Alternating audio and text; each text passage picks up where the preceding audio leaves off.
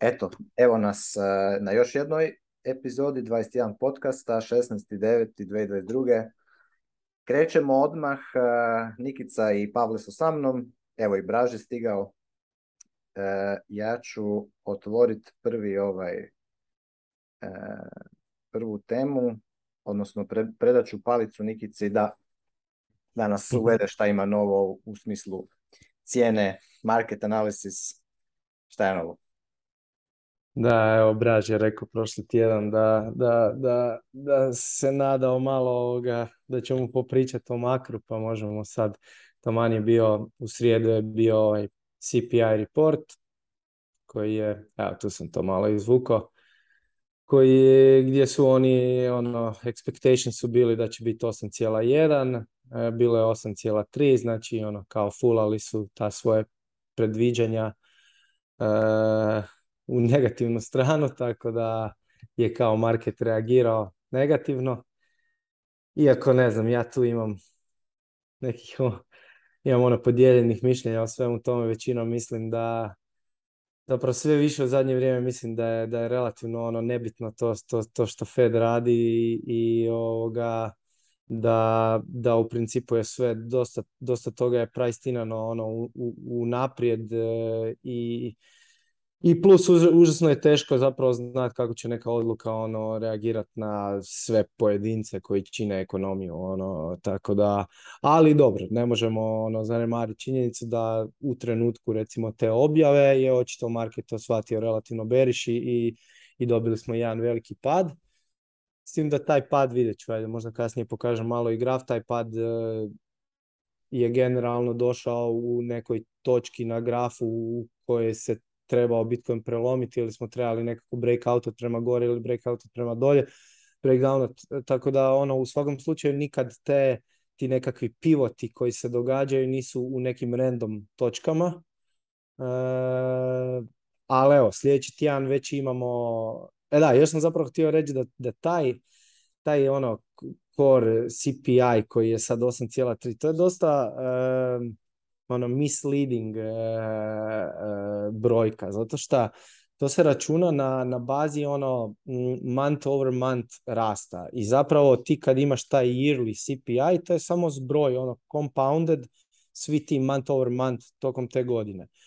I to je u redu u nekim ono normalnim godinama zato što ti imaš relativno male te mjesečne pomake. Ovo definitivno nije bila normalna godina gdje smo mi imali neke ogromne skokove na početku godine i ti, ti mjeseci će biti uključeni u tom year over year koje oni cijelo vrijeme prikazuju i koje je nama ono kao benchmark kad ti čitaš u mainstream medija, e, inflacija je 8,3%, to je taj broj koji oni zimaju year over year.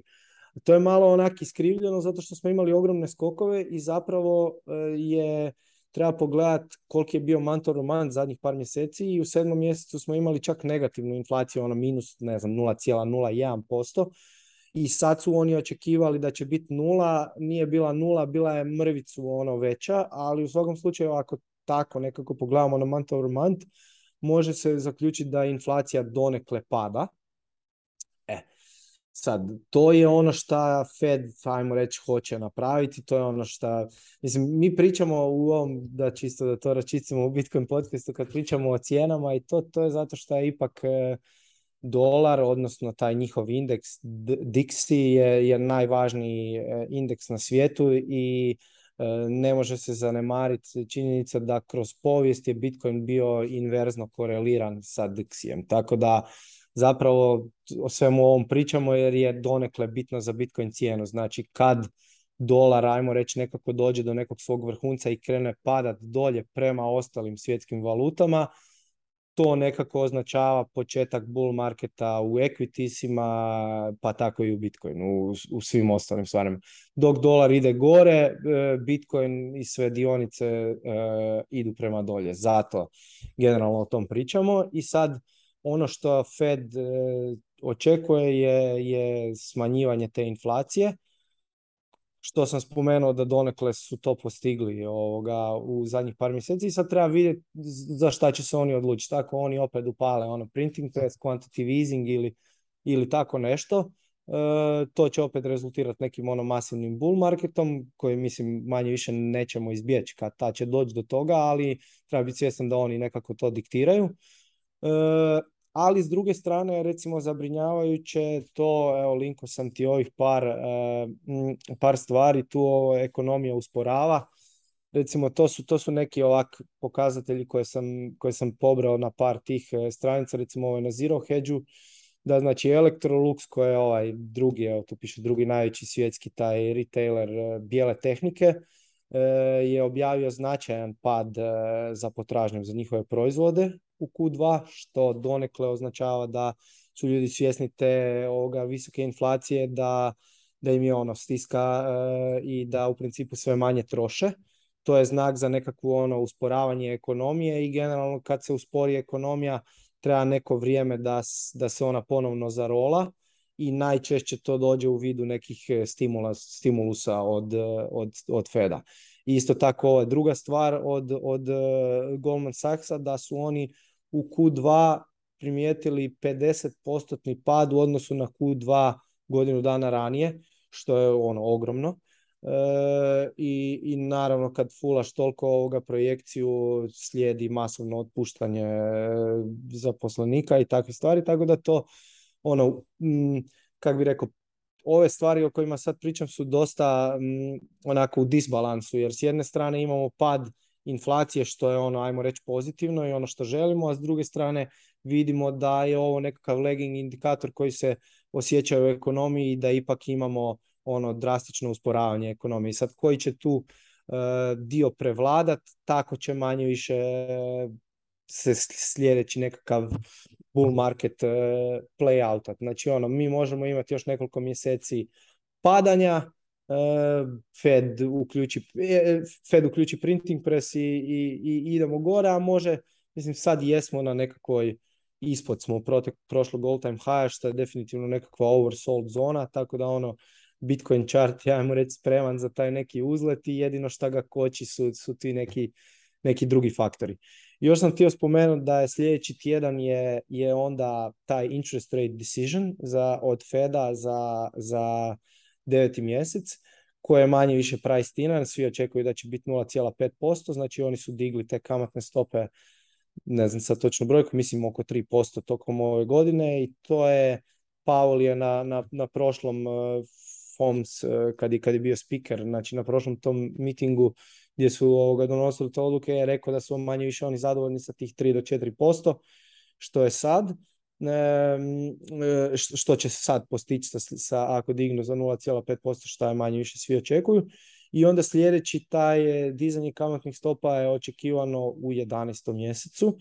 U 11. mjesecu je ujedno i taj američki midterms gdje, gdje oni biraju taj senat i to je nešto, to je, to je nekakav vremenski period u kojem se ne očekuju neke drastične promjene, znači manje više ono što oni odluče u devetom mjesecu da će biti nekako je zaočekivati da u 11. mjesecu neće doći do drastične promjene jer, tad imaju te svoje izbore i to i to kao je kako oni to zovu, ne znam, to nije nije u redu ovoga, pred, pred izbore kao utjecati, ali ono Fed nije kao vladina, znaš, znaš, znate kako to sve ide, ono Fed službeno nije pod vladinom ovlasti, pa onda nije ni u redu da, da oni ovoga na neki način utječu na to.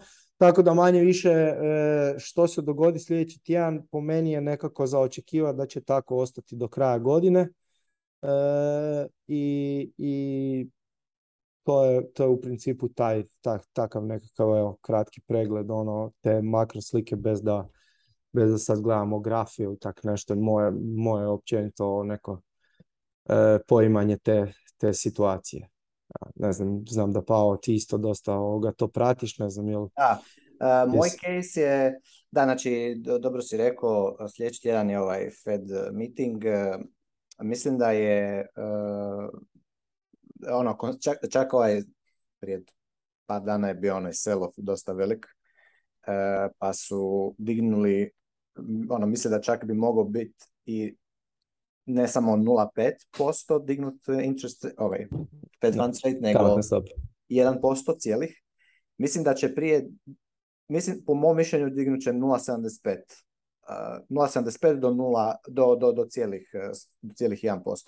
Ali kako god da dignu, e, poanta je da, da e, zapravo je market već e, price inao e, i pad inflacije, jer ako gledamo, uh, mislim ja najviše volim gledat e, ovaj, energente, na, naftu, ne, uh, e, koliko je ovaj krud, krud barel nafte je sad otprilike, ne znam, 84-85 dolara, 85 dolara VTI krud, a, a bio je na 130. Znači, oil pada ono konstantno e, jednostavno potražnja za, za, za naftom e, sirovinom pada i onda to normalno to se propagira kroz, kroz sve ostalo u ekonomiji, sva proizvode i usluge, ali sa odmakom, je? jer ti imaš dok, znači u trenutku kada mi vidimo CPI, koji je generalno bullshit ono, metrik, ali dok mi vidimo ono pad toga, to će trebati još malo vremena. Ono što je moj nekakav, ajmo reći, onaj nekakav midterm, recimo sljedećih 3 do 6 mjeseci e, outlook na markete je, ja e, volim ove contrarians uvijek gledati, recimo onaj David Hunter, on je e, interesantan lik, znači recimo većina marketa participanta u tržištu sada je beriš jako svi vide sve negativno i misle da će sve još samo padat dolje i padat dolje. Međutim, e, kao i u bull marketu, kada ti imaš većinu koja ono naginje na jedan, ima jedan bias, zapravo je likelihood da će se stvar preokrenuti na, na drugu stranu.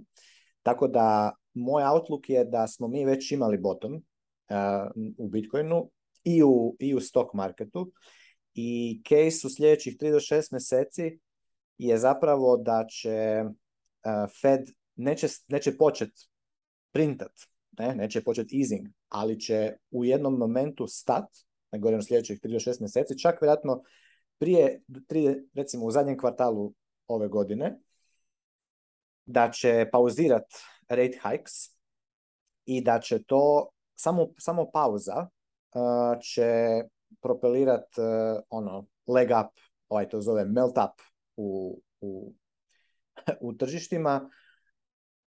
Recimo S&P 500 bi recimo, tako njegova nekakva projekcija bi bila, lik ima 50 godina iskustva ono makro i kolove ima jako, jako dobre, e, da će S&P recimo otići na še, oko 6000 dolara u tom leg upu, što znači Bitcoin isto, samo bi to trebalo sad preračunati koliko, što to znači za Bitcoin ali ajmo reći neka Bitcoin ode na ono, možda čak i probije all time high, e, recimo do, do kraja ove godine, a ovaj, ali u 2023. godini e, opet on kaže će biti bast, ali bust onakav kakav nismo vidjeli ono, od drugog svjetskog rata do ovamo. Znači, kao 2008. 2007. 2008. ono kad je, kad je Lehman Brothers, kad su znači ono počele propadat eh, ove banke i to ono cijeli taj contagion na, na ono cijelo svjetsko tržište. E pa ajmo reći uzeti to, ali ono doda još fuel to the fire eh, ono, ono što je to danas što će biti danas. I to on predviđa recimo negdje u 2023. Znači sad leg up a, kontrarno ono što velika većina marketa sada ima jako bearish sentiment, ja isto smatram da je bullish zapravo, do kraja godine mi ćemo pumpat full, ali onda sljedeće godine nešto će roknuti, jer sljedeće godine će se zapravo će jednostavno biti ta kaskada tih, e, tih e, ono, koje će, koje će ovi, ove podignute kamatne stope uh, inducirati. Jer uvijek sve moramo gledati over time. Znači, šta Fed napravi sad, to ima efekt kroz vrijeme, nema instantno efekt. Znači, ovo što se recimo jedan, u jednom danu, što se taj intraday trading, što se dešava, to je jako, te, to, to ne možeš predviđati. Sad možete doslovno sad za 15 minuta se desi da ne znam, e, neka, neka vijest, ono breaking i ono marketi samo instantno reagiraju. Znači, te, te, intraday, čak i intra week, intra month tradingzi su jako teški za, za predvidjeti, ono, ali ono što možemo sigurno gledati u tim, e, recimo, kvartalnim ili ono, yearly nekakvim čankovima sa prilično visokom e, razinom sigurnosti. I mi smo sada ovaj, e, jako blizu toga da, znači ovaj, ovaj 10-year bond market rate i 2-year bond market rate su već invertani, znači imamo više kamatne stope na, na bližoj, znači na dvogodišnjoj e, obveznici nego na desetgodišnjoj, što je, što je znak da nešto ne valja, znači da je znak da tržište predviđa e, visoku, visoku volatilnost u kraćem termu.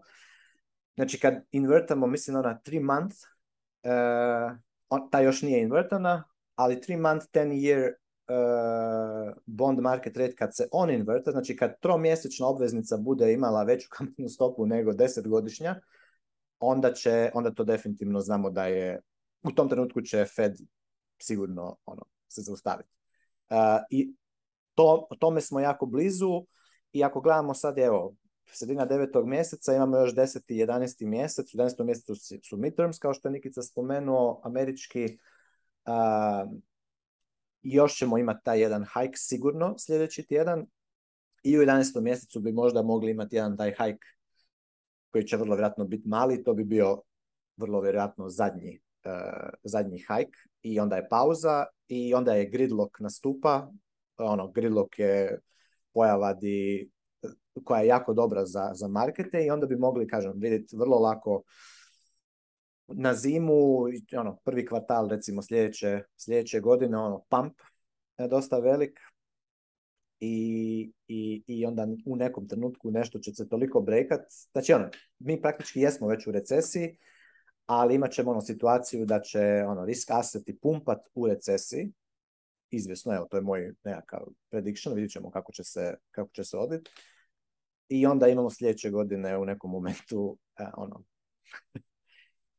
taj veliki shitstorm, u kom se predviđa ono što šta, šta svi očekuju, taj Fed pivot, znači to je ono, kreće se u mega, mega masivnu, masivnu inflaciju, ne? Znači, ali onda vrlo vjerojatno vidimo, mislim, praktički hyper, hyperinflationary ono, period.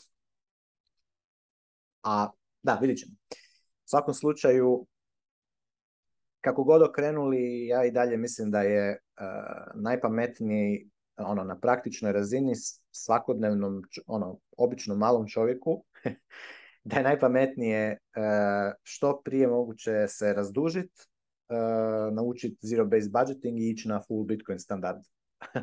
I, i rajdati to, jer rajdanje ove, ove situacije je jako je, jako je, jako je teško. Znači sve se može preokrenuti doslovno full, full brzo, tako da eto, to je nekakav outlook. Uh, ali ono, sve, sve skupa za Bitcoin je, i odlično, čisto znači da ono, samo da spomenem, u cijeloj ovoj situaciji, kako god je ono, energy crisis, eh, inflacija, shitstorm, supply chainovi pokidani, mi smo, evo, neki dan je hash rate all time high probijen, jel tako da Bitcoin je opet nikad never stronger, nikad nije bio toliko robustan, čvrst, eh, infrastrukturno, ono, broj nodova, ono, jednostavno je e, fundamentalsi nisu nikad bili bolji, a evo sad su ovi methedovi tamo otišli na proof of stake, tako da eh, to je još bolje, još, ono, još bolji način da se delineation napravi između Bitcoina i svih ostalih E, shitcoina, tako da e, ono, ultra, ultra, ultra bullish, čak i ono mid, ono, short term, mid term, long term. Tako da, to, to je nekakav moj komentar. I vrlo, po mom mišljenju, vrlo, vrlo vjerojatno smo već vidjeli bottom. Tako da, ja nisam za ovo, znam da je većina Bitcoinera beriš, ali mislim da beriš bit e, tu je hvatanje, ono, možda ti može, možda može se dobiti još nekakav mali leg up dolje, ali to mm. mislim da će biti short lived i, i problem će biti opet tim ljudima koji su beriš, koji čekaju, ne znam, sad 30% ono drawdown još ili 50% drawdown, mislim da će onda postati još više beriš i da će sami, sami sebe otlevelati. To vrlo kratko može trajati taj ono bottoming proces i onda si kojiš opet ćeš eh, ganjati taj kad, kad ćeš se opet raditi nazad u market. Tako da vrlo opasno je tajmirat market. Ja ga zato ne tajmiram, zato sam ja 100% u Bitcoinu jer e, znam da je tajmiranje marketa jako, jako jako, jako teško, radiš protiv svog ono, emocionalnog bajasa koji ti govori jedno, a ti bi trebao napraviti drugo i zato, zato to i ne, mogu većina ljudi raditi. Zato, zato je većina Bitcoinera bila i bullish, lani kad smo ono pumpali na 40, 50, 60 tisuća dolara, svi smo mislili da ćemo ići na 100 tisuća dolara, jel? Znači, to je, 100k je bilo ono, svaka metrika i to je bio ono, bullish buy. Sad neko ko bi, ko je govorio tada da, e, roknut će, roknut će, ono, sad će roknut. Ne idemo na 100k, idemo na 20k. Kogod je to rekao lani, bi, bi mu rekli ono, puci se u koljeno, ono, šta pričaš gluposti. A sad su svi beč. Znači, treba uvijek mm. biti contrary, ali jako je teško biti kontraran tržištu ako si, ako sitaš u Fiatu. Zato ja propagiram stalno maknite ča Fiat i odite u Bitcoin only, zato što u Bitcoin only ti imaš, ti imaš drugačiji bias, odnosno imaš jednostavno prirodno radiš ono što, što, što, što bi traderi htjeli raditi, a neprirodno im dolazi, jel? a to je timing market. Dobro, aj sad da ne Mislim da si dobro rekao, da treba u svakom slučaju to bit kontrarijan je, je uvijek solidno ako se ovoga bavite nekim ono, bet, ono okladama na tržištu bilo kakve vrste. A da, svi su sad e, ovoga beriš jako zato što većina ljudi e, čita mainstream medije i to je to. I zapravo uzimaš sve informacije od mainstream medija koje su koji ono, energetsku krizu, rat s Rusijom i sve to, mislim, to su stvari koje su najčešće prajstinane i koje, ono, ne znam, to, to ja, ja, mislim da sam ja jednom prije nekoliko mjeseci to pokazao na grafu, ono, u koroni, ne? Znači, e, najniža točka na Bitcoin grafu je bila dan kad, smo, kad je ono svijet stao, kad, e, kad, su lockdown, kad je nastupio lockdown u cijelom svijetu. A generalno ako pogledamo, tek je tad krenulo nekako sranje e, što se tiče ono cijelog svijeta i svega toga, a marketi su od tog trenutka krenuli ići gore. Znači to nije baš direktno korelirano, nego je market priced in tu cijelu koronu, ajmo reći od kad se pojavila u 12. mjesecu, e, taj dump se dogodio na, na taj sentiment cijeli toga da su svi beriš i onda kad su svi prodavali jednostavno samo otišlo u kontru. Ali dobro, evo, dovoljno smo, dovoljno smo ga je, samo da još jednu ja spomenem vezano za, taj, za tu dinamiku od 2020. na ovamo. A, vrlo lako bi mogli, znači ako mi gledamo gdje je bio top Bitcoin marketa, bio je lani, jel? Sve pitanje je da li je bio onaj u petom mjesecu, 62 ili 3, ili u 11. mjesecu 69. Ali price, price wise bio je u 11. mjesecu lani. Ali ako gledaš on-chain metriku i ako gledaš mempool i ako gledaš onaj hype activity, on je zapravo bio ranije. Znači ono kad je bila, hmm. kad je China banala mining i kada je Elon Musk rekao da neće više ono, Bitcoin akceptat zato što je ono bad for the environment, onda, smo, onda ono počeo krešat Bitcoin sa 60 i nešto na 30 je li krešao u, sredini godine. Ali kad gleda, znači tad ajmo reći, više nema, nije bilo hajpa. Ovaj nekako u drugom dijelu godine taj pump nekako je bio e, više ono derivatives nekako, driven nije bio više, nije bio onaj retail. To se vidjelo na, na mempool je bio prazan cijelo vrijeme, samo je price pumpao gore, nije bilo tih novih entranta. Tako da bi mogli vrlo plauzibilno reći da zapravo Bitcoin bear market je startao na proljeće 2021 jel? i da smo mi već dosta, mi smo već više od godinu dana u bear marketu, a, ovaj, a startao je 2021. na neki način čak anticipirajući ovu, ove probleme, inflaciju i recesiju koja, koja, je, koja se spremala. Jer e, mi smo zapravo već znali, s obzirom u 2020. godini šta se desilo sa, sa printanjem, sa lockdownima, sa ono, supply chain, znači ono, tvornice nisu radile mjesecima, jel? Da će, znali, znali su da će se to ono, da će dolaziti shitstorm. Ja se sjećam na seminaru kod Seyfedina e, kad je on govorio da ono, to što, to što se dogodilo, pazi, treba uzeti u obzir, znači to je bio period kad su ono, Steamy checks, ljudi su dobili, ljudi su svi bili bullish, bullish, ono, pumpali, marketi pumpaju, ono, ekipa, sve, sve ide up i on govori ono na seminarima, govori ono, to će biti tako sranje, govori, to, to, toliko će ti lockdowni, ono, ljudi misle da je, da je zatvoriti tvornicu na dva mjeseca, tri mjeseca i onda je utvoriti nazad, da je to ono, ko upališ i gasiš, ono, evo, ko ja sad upalim i ugasim svjetlo. A to nije tako, to su, to su proizvodni lanci i logistički lanci, to je vrlo sofisticirano, ono, dugo, dugo nakupljan eh, struktura kapitala, specijalizacija, ti, ti, ti ne možeš, ne možeš ti to samo ugasiti i onda upaliti opet nazad. Znači, to što su napravili sa lockdownima, e, psihopati i ono, korona histeričari, to će se doslovno još dugo, dugo reverberatat kroz, kroz ekonomiju.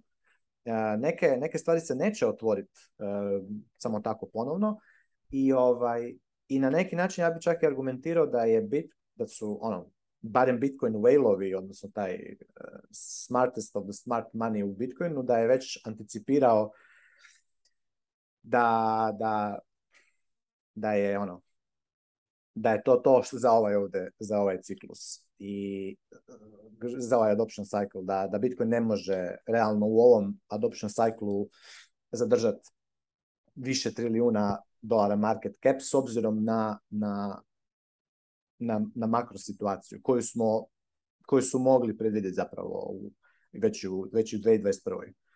A sada su, kažem, sada je opet situacija drugačija jer sada sve to što se anticipiralo u 2021. je već prajsinano, već je e, već se ono manifestira. I sada koje buliš, opet, tako je je beriš, griješi. Kao što je tada trebalo biti beriš, sad treba biti uh, e, buliš. Što se tiče price samo a, ono, a, adoption long term, to, to, to ne moramo puno komentirati. To je fundamental i uvijek samo rastu. Tako da, Ajmo dalje. No, tu smo malo smo zanemarili ovoga, ti ja smo se raspričali, Braž, pa, dobro, Pavle, znam da pretpostavljam zapravo da neće ocijeni. cijeni, Braž, imaš ti nešto za dodati? Ma ništa, samo sam htio reći, ono, conclusion je ono max bidding na kraju, što, što Pavel kaže, znaš. Apsolutno, max, max bidding. Max Beringer. da, ne znam jeste vidjeli to. Better believe Se. Better believe it, da, da, da. Baš mi je smiješan. Ali meni je sve to zanimljivo, ova makro situacija. Ne znam, ima neke tu stvari koje su mi zanimljive, kao na primjer ove kamete koje ljudi sad plaćaju u neke dijelove Americe su kućne kamate, ne, su 6%. Znači, ja nisam taj broj čuo, ne znam, možda ovdje to nije nešto čudno, a tamo to je baš neki veliki a broj, pa baš ono, mi je zanimljivo da vidimo koliko će i taj Fed da gura taj tightening i, i, sad ima ono, vidi se da zlato palo nešto 2%, znači izgleda da, da likvidnost u, marketu nije ono, ne štampaju trenutno, pa ima ta likvidnost nema je koliko, je prije bilo, pa to nije baš lako kao marketu, znači ima tu neke stvari kao japanske ove bonds da se gledaju, oni guraju taj 0.25% limit, ali da vidjet ćemo. Znači, Pavo kaže, e, već, smo prošli taj najgori dio, ne znamo, vidjet ćemo, e, vrlo je teško da se ono kaže. E, ako bi znao, onda bi mogao to lagano tradovati i napraviti neke velike pare. To je zato ne može baš tako. Ne znam, Pavle, ako ti imaš neke komentare, ja čisto sam htio da čujem ono, njihovo mišljenje, pa Idemo dalje. Ne, ne, ja u ove diskusije ne ulazim, imamo eksperte, tako da ovaj, samo vi gurajte. Ti, baš, baš sam slušao tvoj Matin podcast kad ste rekli kao kak je na Honey Badger osvježavajuće bilo na konferenciji da, da nitko nije pričao o cijeni, evo sad mi tu prvih pola sata o cijeni da je ovoga, da je prebaci na neke druge teme, da ne pričamo toliko o cijeni. A Uglješa čeka 8K i meni je to bilo smešno. Ja, samo, samo da, kažem, koliko god mi, koliko god uh, lijepo je to čuti da cijena nije bitna, realno e, cijena je najbitnija i zbog cijene se, e, se grova cijeli Bitcoin community, zbog toga što se Bitcoin monetizira. Jer realno da je Bitcoin ono nekakav, uh, nešto što u čemu je 100 dolara likvidnosti, niko ne bi se to znao i ne bi se nikakve konferencije radili, nikakvi developmenti, tako da, znači, ono, shvatimo da doslovno imamo pod sobom tehnologiju koja fundamentalno mijenja ljudima, ono, to je base money za svijet, tako da, jako, jako je veliki projekt i, ovaj, i trebamo, mislim, jednostavno ne, možeš, ne možemo izbjeći, eh, niti bi trebali izbjeći i number go up, i, i, i gledat e, šta se dešava sa, sa, sa purchasing powerom Bitcoina, koji će uvijek u long termu rast, ali i onda će, i onda će dat e, evo, priliku da se, da, se, da se stvari razvijaju i tako dalje. Jer kažem da, se, da, da je number go down kao Fiat, zbog toga ko, ko organizira konferencije da Fiat sistem e, ono, poboljšamo ili koji su developmenti na Fiat, niko. Zašto? Zato što Fiat je shit koji ono goes down the drain, tako da Bitcoin ide up. Ok, ajmo dalje. Paži, što još imamo na, znači- na listu? Ja ja sam radio pa sam malo... Pa, Pavli ćemo ostaviti, ono na kraju će nam Pavle o, o merđu pričati. da. Ćemo odmah Pa mrđi je sada nekako naj, najveće. Uh... Na in, to, smo trebali Ja sam mislio da ćemo s time otvoriti. Pavle, mrđao se Ethereum, šta kažeš? Hoćemo dobiti dobit šta developera u, u Bitcoin space od ovih šta su ETH headova koji su skužili da je Ethereum shithole. Kako se, šta se događa? Mm, dobro pitanje. Nisam, nisam siguran mm, da li će baš toliko oni brzo sve to skontati, koliko gledam i dalje slavlje. Vidim da je ovaj, ajde sad cena malo otišla na dole, ali vidim da su se i napadi već na Bitcoin i ovaj, intenzivirali, tako da bit će zanimljivo gledati kako se sve to odvija.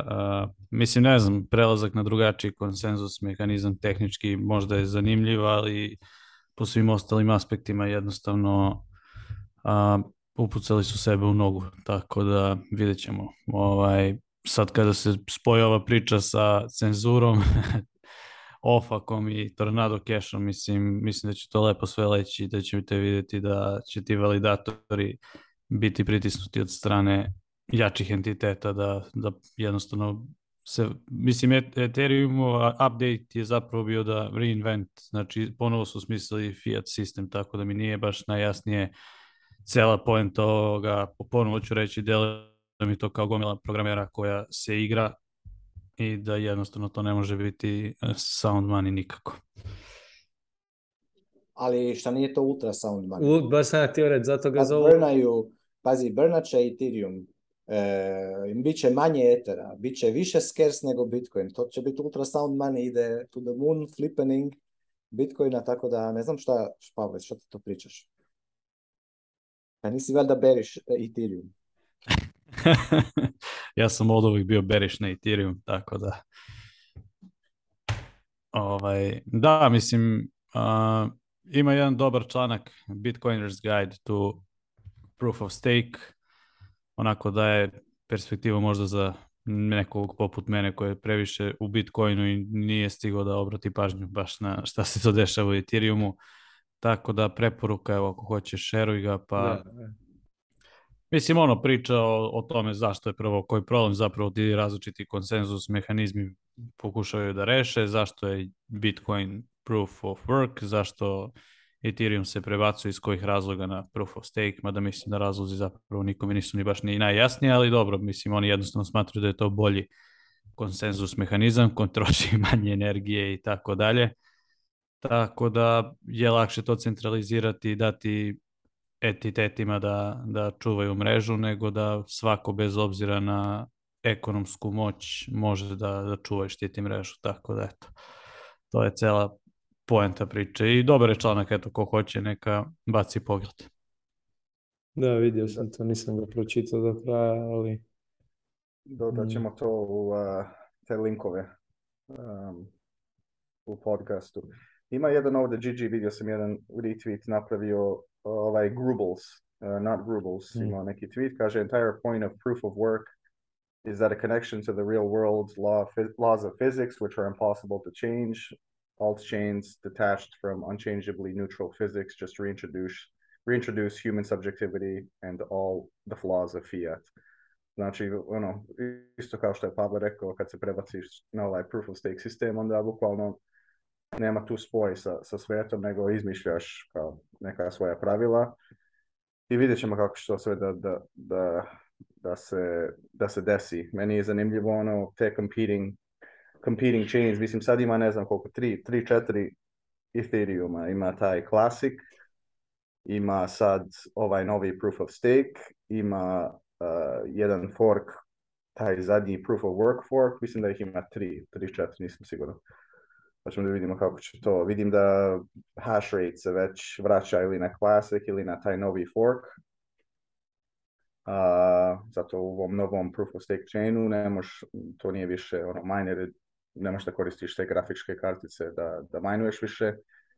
Pa će biti zanimljivo da se, da se vidi šta će. Mislim, ljudi misle kao da su te mašine se bukvalno izgasile i da ta energija je sad ono slobodna, da, da svi koriste kako hoće, ali to nije u stvari istina, nego oni samo prebace svoju energiju da ima smisla, znači na Ethereum Classic ili neki drugi chain, ili jednostavno prodaju te karte i neko to koristi za nešto drugo. Um, i to je to, znači to je neki, ovo meni je ogromni virtue signal od mm. Ethereuma. Sad jednostavno nam ono pričaju kao da je to dobra ideja zbog ovog razloga, ali kad se malo dublje u to pogleda, onda nema, nema ni proof of stake smisla za, za, za dugoročno vreme.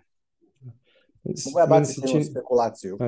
E, jedan prediction, spekulaciju. Evo, samo, samo da bacim. Znači, ja mislim, moje mišljenje, da će Ethereum uh, actually da će burnat ukupni ono, broj etera. Mislim da hoće biti uh, eh, deflationary u smislu da eh, manje etera na istu ili veću potražnju će pumpat cijenu etera gore. Ok? Znači, i mislim da će i marketing u smislu da je to clean, green i doesn't, ono, doesn't destroy environment, da će povući interes ovih woke uh, likova ono, koji vjeruju u te stvari još uvijek. Znači, da će pumpat prijevodu Ethereum će pumpat, ali onda će se desiti sljedeća stvar. S obzirom da je to, da taj shit uh, eh, centraliziran i da zapravo taj mali konzorci eh, tih eh, stakera, validatora uh, validira, odnosno proizvodi novi Ethereum, proizvodi blokove, jel?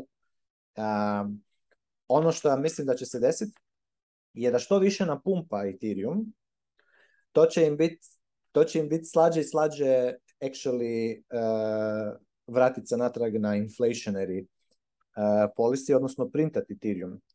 I me, samo je pitanje koliko će, koliko će toga, koliko, koliko će taj marginalni increase u price Ethereuma biti, koliko će biti zanimljiv, to jest koliko, u kom pointu više neće moći odoliti, a da ne počnu printati. A, a ovaj napačeni narod koji to, koji to koristi, koji misli da je, da je Ethereum ono, da je dalje brna juga, da je deflatoran, onda će ovaj, neće moći provjeriti actually da koliki je supply, nego će jednostavno vidjeti da Ethereum ne može pumpat dalje, nego počne lagano gubit zato što gubit, gubit taj monetary premium zato što oni printaju monetarnu bazu. I to je ekonomski argument koji recimo u Bitcoin ekonomiji, monetarnoj ekonomiji je razlog zašto to jest Razlog zašto Bitcoin nema taj problem, jer Bitcoin može pumpat koliko god hoćemo, a niko ne može inkrisat supply Bitcoina. Jer kad bi neko mogao inkrisati supply Bitcoina, Bitcoin čim bi napumpao na, na nekakvu veliku, ono, veći, ono, veliku brojku, bi jednostavno se više, više toga Bitcoina proizvelo. A pošto se to ne može, nema mehanizma da se to napravi, a u Ethereumu ima mehanizma da se to napravi, Zbog toga Ethereum nije sound money. Zbog, ne zato što Ethereum ne može biti deflationary. Bitcoin, e, Ethereum može biti deflationary. Znači Ethereum može burnat sada etere.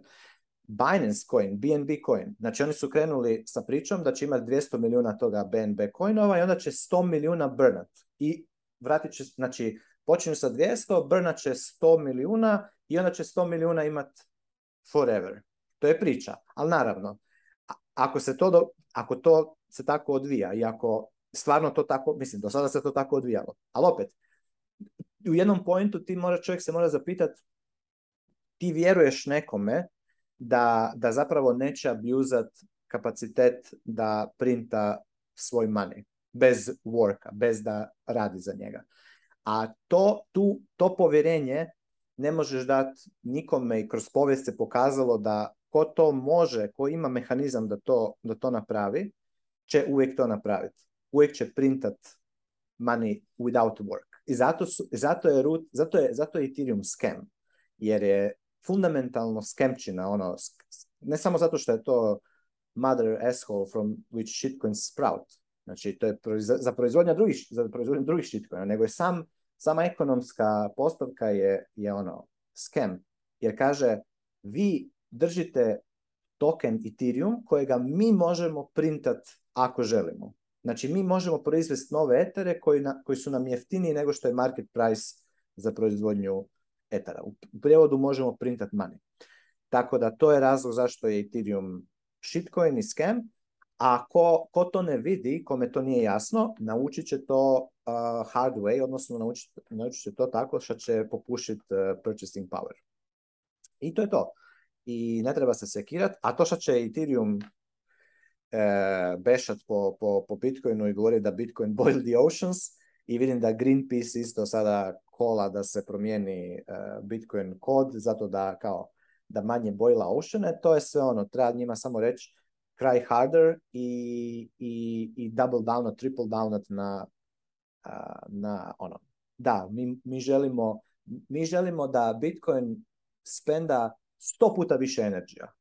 Jel? Znači, opće onaj argument govori, ne, ne, ali vidiš koliko Bitcoin koristi green energy, to, to su sve bullshiti, ne, mi trebamo reći, ne, Bitcoin sada spenda, ne znam, toliko megavata e, struje, mi bi željeli to puta tisuću, puta deset tisuća. To je to. I, ovaj, i što jasnije to, to razdvajamo, tu, te dvije različite filozofije, to ćemo olakšati newcomerima da znaju šta, šta će ono, da znaju šta, šta je njihova odluka za napraviti. Spomeni ovo odlično, odlično, odlično kako se odvijaju stvari, da su se Ethereum i Bitcoin razdvojili u dve ono, fundamentalno različite priče. I mali ovaj, Vitalik je rekao da oni imaju nekakvu svoj laws of physics, virtualni, oni će napraviti svoju, svoje zakone fizike i tako. I to je super, ko, to hoće neka, neka, neka uživa. To je eh, eksperiment čisti. Um, bio neki zanimljiv tweet od, od eh, je bila neki podcast između ovaj Preston Pish i, i eh, Pierre Rochard i on jednostavno kaže ono da nije, nije Bitcoin eksperiment više, mislim davno već čini mi se da to je tako i zadnjih mjesec dana mreža, kako bi rekao, settled 2 trilijona u zadnjih 12 mjeseci, to je 50 trilijona. Znači to nije uopšte neki mali broj, to je ogroman broj novca i to radi. I radi danas, radilo juče i radit će i sutra. A proof of stake je malo drugačija stvar, oni koriste neke drugačije razloge da, da, da promijene u taj sistem. Misli, misle da će biti ono dugoročno bolja odluka, a, ali mi znamo da neće, znači vidjet ćemo kako će cijena jedna stvar, a tehničke ono, detalje to je druga, pa ćemo vidimo kako ćete napad, napade otići. Pavle ono spomenuo napade tu na izgleda da, da, da se povišaju kao ima ih više. Vidio sam baš onaj Greenpeace jedan tweet njihov mm. je gdje ono, ne znam, sigurno čestitaju Ethereumu što su prešli na Proof of Stake, kao spasili ste jedno 25 drveća, ne znam, nija. Um, pa ćemo da vidimo kako će to ići. E, ja mislim da će više, i više da vidimo te takve, takve napade gdje ljudi ono, kažu Bitcoin troši puno energije, ali ono, isto kao što je Pavao rekao, samo dalje i da koristi sto, više, puta više ili manje, ono, to će sve da se izbalansira, nekako kroz taj difficulty adjustment, znači, ono, koliko bude, bit Znači, nije uopšte važno, ali moglo, moglo bi uvijek više.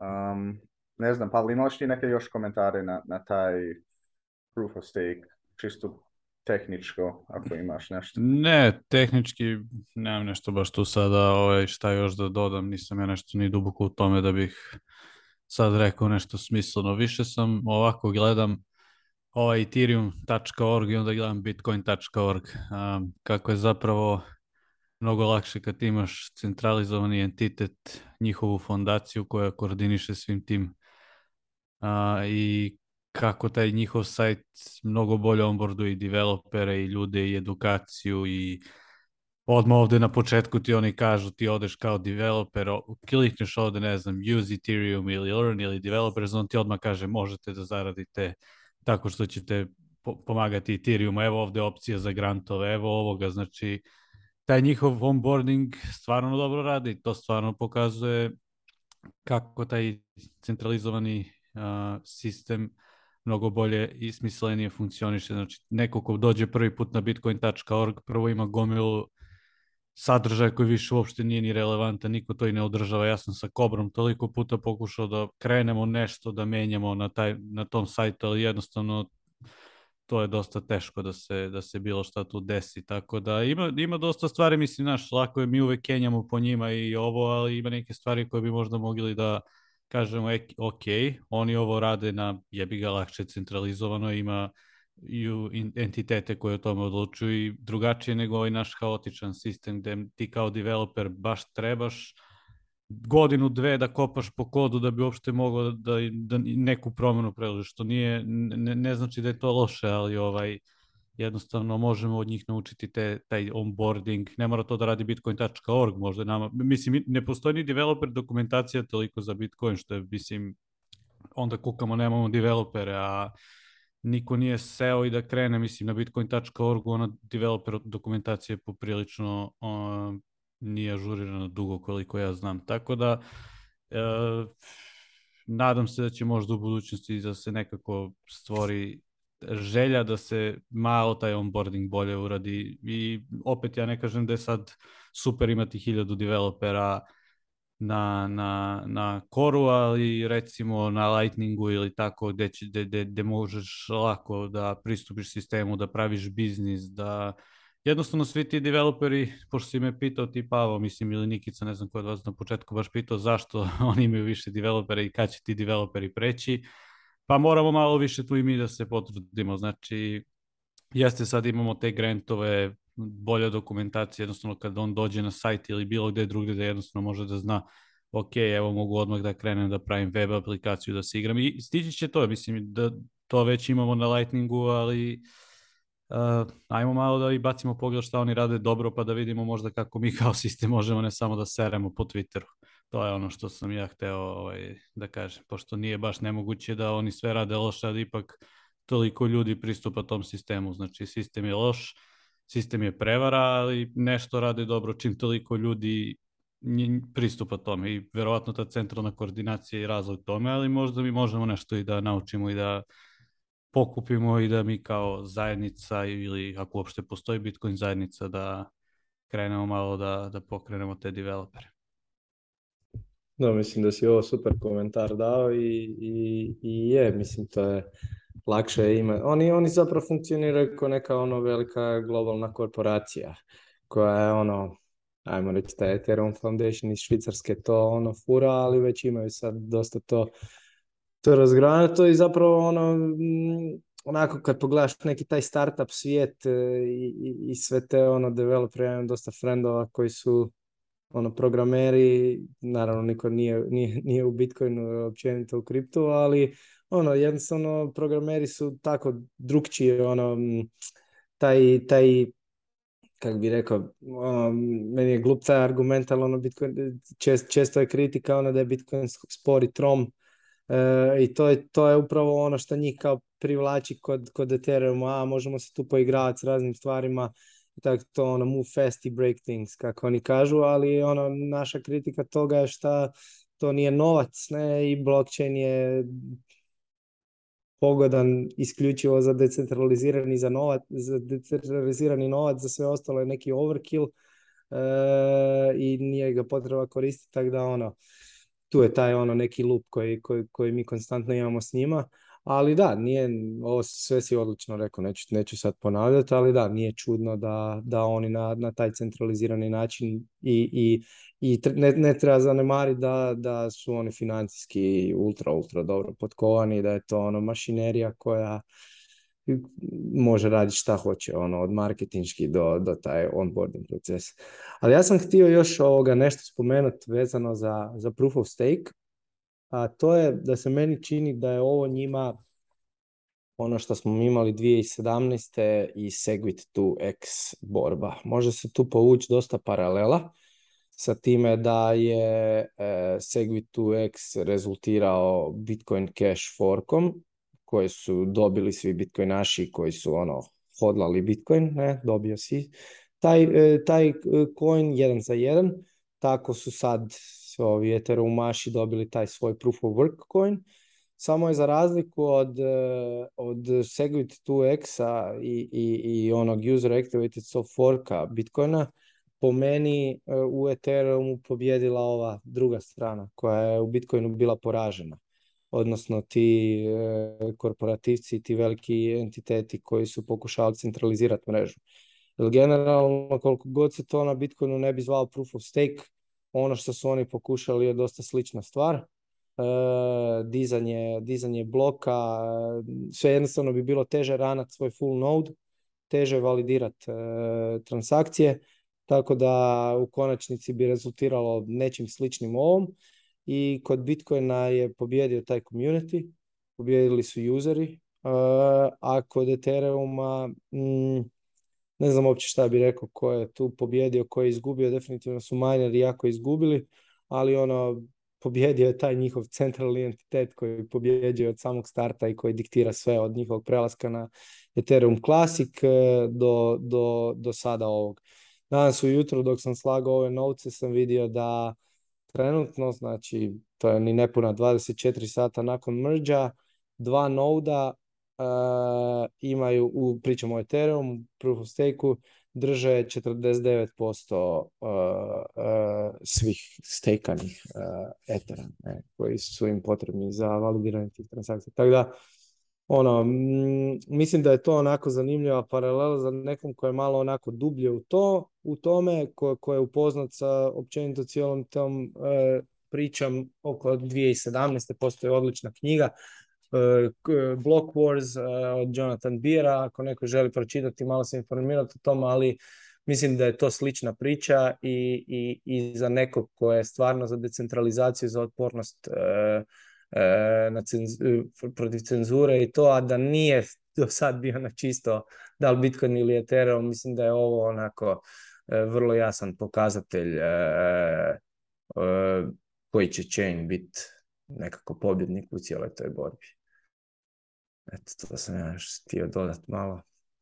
Da, dobre su oba dvije te perspektive. Mislim da ima tu neke paralele sa, sa block kao Wars u 2017. naravno, ali su oni otišli na, na pogrešnu stranu. Uh, Htio sam pitam Pavla, ono, kad je spomenuo dokumentaciju, zašto se koristi ta dokumentacija? Je li to čisto ono da se kao opis šta taj kod radi, gde, koje ono, na koje resurse se koriste neke dependencies. Ja nisam ono baš, ne znam baš puno o tome, htio sam samo da pitam ono čisto da ljudi znaju ili ako hoće nešto da, da neki contribution da naprave, gde i kako.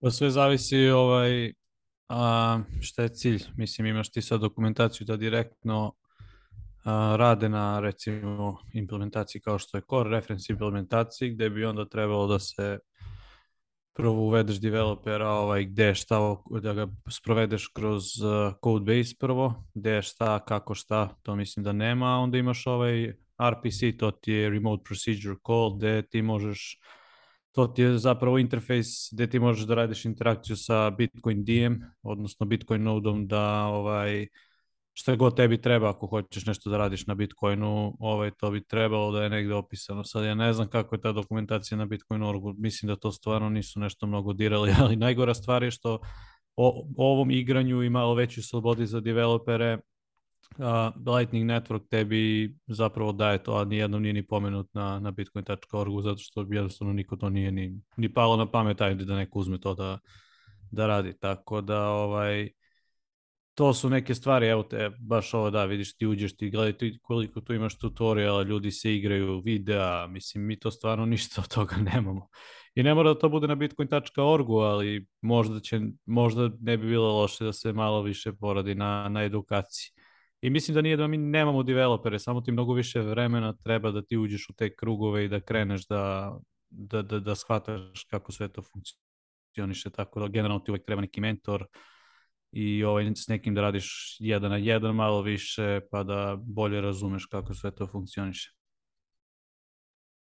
Da, da. Ovaj, mislim... Oni, pa- naravno, sve je tu... Ne, ne, kaži slobodno.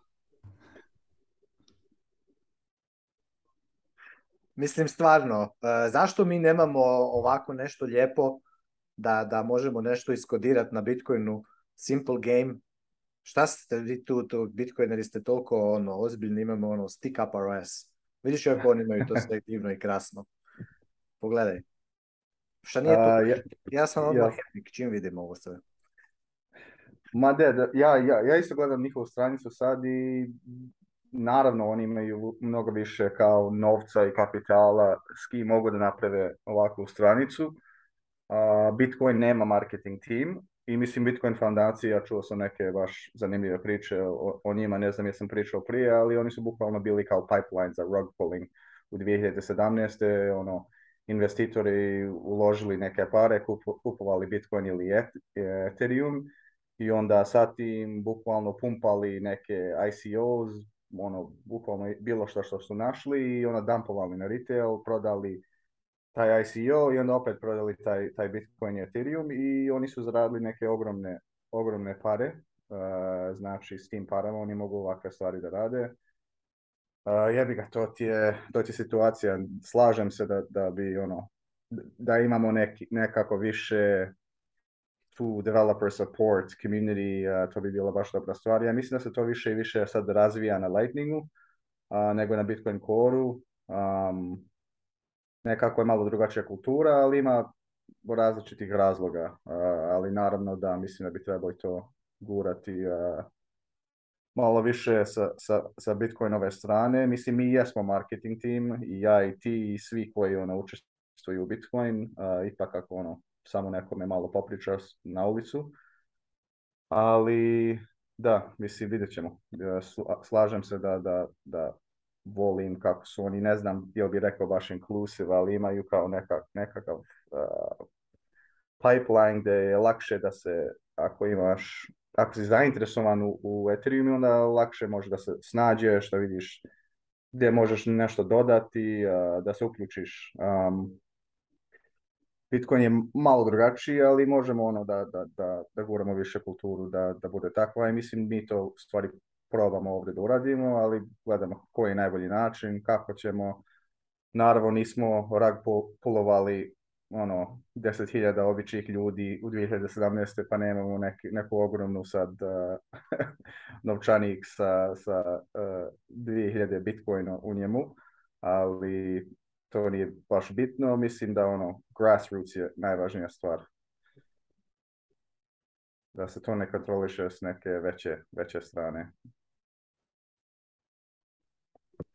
Dobro, šta imamo sljedeće? E, sljedeće smo, a samo da nađem, gdje su mi...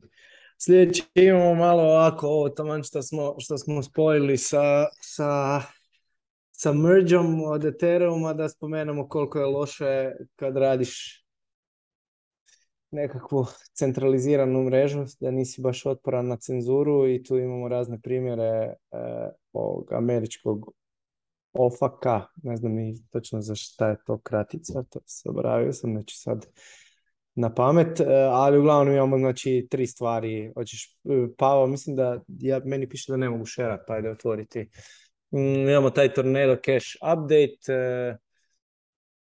to, tu su znači zapravo oni u principu, ja, to se dogodilo znači, prije malo više od mjesec dana, pričali smo o tome već na, na, na par podcasta, ali su dosta i naši nekako ono, e, tu bili su osjećajni sa mašima, ali pak taj Tornado Cash je nekakav čisti kod e, koji je ono benan i taj glavni developer Tornado Cash je uhićen u roku jedan dan. Ovdje su oni dali nekakvu svoju izjavu Blesovu da, da, da u principu e, koje je sudjelovao u Tornado Cashu, a da mu je transakcija kao blokirana eh, uhićenjem ovog, da slobodno dostave sve dokumente ofaku, volet adrese i bla bla bla, ono doslovno krvnu sliku i da će onda ovoga eh, oni recoverat te, te fance, ne? znači ko je sudjelovao u Tornado Cash transakcijama prije, u Tornado Cash mixingu prije 8.8. kad je to doslovno na listu sankcija, da se javi da će mu one pomoći to retrievat. Znači, to je taj nekakav update koji su oni izbacili. Druga stvar je bila ova borba protiv ruskih ratnih zločinaca gdje gdje su, naravno, ono, to nije, nije, nije samo related na, na Bitcoin i, kripto svijet, nego i, i ono, na tradicionalno financijska tržišta gdje su zapravo Rusima ono, blokirane razne stvari, ono, imamo doslovno ono od primjera sporta gdje je Abramović uzet Chelsea, gdje je onim raznim nekim ruskim oligarsima su zapljenjene nafte, e, ove jahte i to, pa tak imamo i, i listu nekoliko, mislim da je bila 22, ja mislim, Bitcoin adrese koje su blacklistane, e, ono, od strane nekih entiteta. Uglavnom, sve više vidimo da se ono E, Bitcoin koristi e, u, u nekoj mainstream e, upotrebi, ajmo reći, i da sve više kad čitamo ovak nekakve negativne stvari, neko ko pokušava izbjeći sankcije da je većinom koristio ili namiravao koristiti nekakve miksere ili Bitcoin ili tako nešto i onda da, da se te adrese nađu na, na, na sankcijama, što onda opet pričali smo puno puta, to, to dolazimo ono, Bitcoin transakciju ne možeš zaustaviti, znači ta blacklista samo po sebi ne znači ništa. Neki mining pool će ju izmajnat, e, ali ono ovoga, na što oni ciljaju su ti endpointovi e, i exchange ili tako netko ko bi onda u konačnici trebao znat svu listu tih blacklistanih adresa i ako se pojavi neka transakcija s nje, ona automatski treba zapljeniti novce i bla bla bla. Tako da i, I onda imamo treću stvar, nekakav iranski, to sam sve iščupao s ovog null bitcoina, nekakav iranski ransomware e, napadi gdje, gdje isto, ja mislim, pet to je nekakva bila grupa hakera valjda koja je napadala putem tog ransomware i ovoga mm, koristili su pet bitcoin adresa i tih pet bitcoin adresa isto blacklistana. Velim, to u samom Bitcoin sustavu ne znači ništa, to što su one blacklistane Bitcoinu ne znači ništa, Bitcoin ne prepoznaje blacklisting, e, ali e, je jasno na šta se tu cilja sa blacklistanjem i u slučaju proof of stake o kojem smo pričali prije pet minuta, ako dođe do blacklistinga, neće više niko to izmajnati, izvalidirati, nego ta transakcija jednostavno neće moći proći. Ali čekaj, Nikica, tu piše, vidi, vidi, ja sam sad tu došao, gledaj samo da ti šeram. Tu piše, vidiš, da ja mogu, vidi, na Ethereumu Tornado Cash, kad ga otvorim, neće, ne radi. A vidi, tu piše dolje da je, vidi, Magic of Ethereum, Magic Behind Apps, da je free from censorship i da anyone can use DApp features, can't be taken down, vidi. Šta se to desilo? Moraš mi neko mi to treba objasniti. Mora neko objasniti. Pošalji mail Vitaliku. piše, vidi, vidi. vidi, anonimno možeš, backed by cryptograph, vidi. No downtime, zašto je ovo tu sada ne radi? Šta se tu desilo? Baš sam žalostan sad. Ma, da, to je kao baš smiješno da se to vidi, da piše tako i ono ne može, bukvalno da se pali stranica. Ja mislim e, za Ethereum ova prva, e, prva velika kao borba za njih će biti kad prva cenzura stigne njima. Znači, pitanje biti da li oni imaju imali, imali, da li oni imaju mude da, da, da sad rade kao taj slashing na, na te velike exchanges. To znači da bukvalno ukinu, ukinu njihov, njihov proof of stake kao uplatu i onda izgube neke pare. Ili da li oni neće smjeti ili moći ili htjeti to da urade i onda bukvalno cenzura će ono da, da ono, niko neće to da prestane i ona će samo dalje tako biti. To će biti meni ono prvi, prvi znak, znači ja ne znam kad će, ja ne znam kad će, to, kad će to prvo da se desi, ali kad se desi vidjet ćemo kako će biti e, situacija, da li će oni u stvari, možda će to biti još jedan fork, posle toga možda neki dio mreže neće tjeti, neće voliti to i taj čitav sa druge strane highly regulated uh, strane, oni će njima ono, nije problem da, da, da, prave cenzuru. Znači, ja mislim da to će biti njihova velika borba, ne znam kada će to da se desi, ali sigurno neće biti ono, baš dugo vremena prije nego što vidimo uh, komplikacije sa tim. Da, ja mislim da općenito njihov community nije ni toliko, oni, oni imaju ovo censorship resistant čisto ovako da privuku ono neke nubove ili tako nešto koji neće to istražiti, ali mislim da ovi onako koji su ono duboko već ukorijenjeni u tom njihovom ekosustavu ni, nisu toliko za to, oni će uvijek naći naš ono e, mislim vrlo je kako bi rekao, ono, borba protiv cenzure je ono unanimous borba, ajmo reći, nema, nema nekakvih, ali ova je napravio to, njega ćemo ipak cenzurirati. Znači, ili, je, ili si ono bulletproof protiv cenzure ili nisi, ne? znači nema tu nešto između.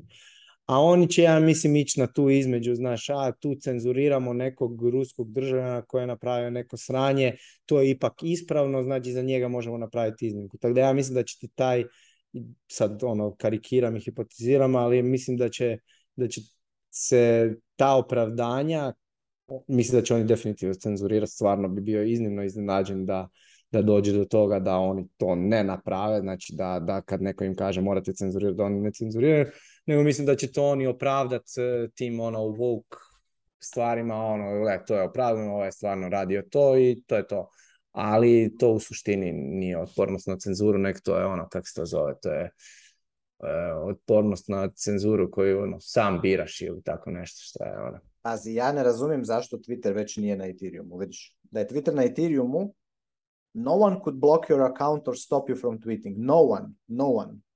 Tako da ja ne znam, mislim, ja ne znam šta mi, mi čekamo. Mislim, ljudi nas cenzuriraju, a Ethereum nam, nam je tu rješenje, vidiš. Free from censorship. Ma, mislim, ono, stvarno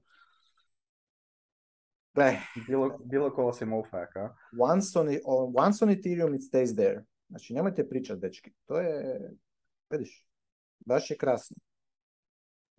Možda scanned for transactions and other DApp interactions on your behalf. Vidiš, to, to, to, je, to je to. To su, ja ne, ono, ne kužim. Eto. Evo, još jedan zanimljivi tweet od uh, ovaj Niko uh, Bitvolt 7, mu je uh, Twitter handle, kaže ne treba ti par miliona dolara da promeniš uh, kod Bitcoinu, možeš ono bukvalno da ga forkuješ besplatno, ali to nije ono što oni hoće, oni hoće da, da, te forsiraju da ti ranuješ neki software koji oni uh, neko odobrava, any kao, kako bi rekao, approve they want you to run the software that they only approve of. Uvek je bilo oko kontrole. Znači, ono, ne treba ti ono milion, par miliona da ti sad neki proof of stake uvedeš nešto tako, nego ti jednostavno imaš izbor da to uradiš ono, bez, bez nekih velikih para. Ali e, da, pitanje nije oko proof of stake ili proof of work, nego oko kontrole i kako to e, situacija će da se razvija. Znači, bit će zanimljivo. Ovaj, preleteli smo preko jedne dosta bitne stvari ovdje u vezi Tornado Keša kad smo pričali ovaj, znači ufak je na njihovoj stranici objavio da zapravo svaka interakcija sa Tornado Cashom ili tih blokiranih entiteta je zabranjena za osobe iz Amerike. Međutim, interakcija sa open source kodom nije i ne smatra se bilo kakvim prekršajem. Pa kaže na primjer Sjedinjenih američkih država and making it available online for others to view, as well as discussing, znači možeš da ga objavljaš za druge, možeš da pričaš o njemu, da ga predeš o njemu i e, da pišeš u učbenicima i tako dalje, tako da je ovo dobar presedan. Ovo je zapravo dobra stvar što nam govori da, e, da Uh, oni u zakonu zapravo prave tu distinkciju između open source koda i tih entiteta koji, koji sami po sebi grade ili prave, prave legalne entitete na, open source kodu, što je dobro. A i ovo nam govori još jednu stvar da ovaj koji je zapravo uhapšen zbog toga ima nešto više, tu nisu ga, znači oni samo zbog toga uhvatili 100%, oni hoće da naprave presedan od te od tog hapšenja tog developera, ali evo vidjet ćete kad se odvija suđenje sigurno ima tu još nešto zašto su oni njega priveli, tako da ne vjerujem da samo to što je on radio na open source pošto izgleda američki legalizatori e, razumiju šta je e, rad na open source i šta znači objavljivati kod. Tako da ovaj paragraf meni lično je jako bitan i ono, bukvalno poenta cele priče, da ja mislim da, da tu ima nešto dublje, da jeste da oni hoće da naprave presedan od te cele priče, ali da su ga samo zbog open source kod objavljivanja, to sigurno nije. Tako da ćemo vidjeti. E, ja sam vidio da je Coinbase zapravo napokon, evo ja ću nešto za njih dobro da kažem, napokon ovaj, krenuli su da finansiraju tu, e, tu kontratužbu ili kako već odbranu zapravo tog developera koji je uhapšen zbog open source koda, tako da navodno zbog toga, tako da ćemo vidjeti kako će se to odvijeti. Opa, Ali to je meni je ovo dobar presedan, da.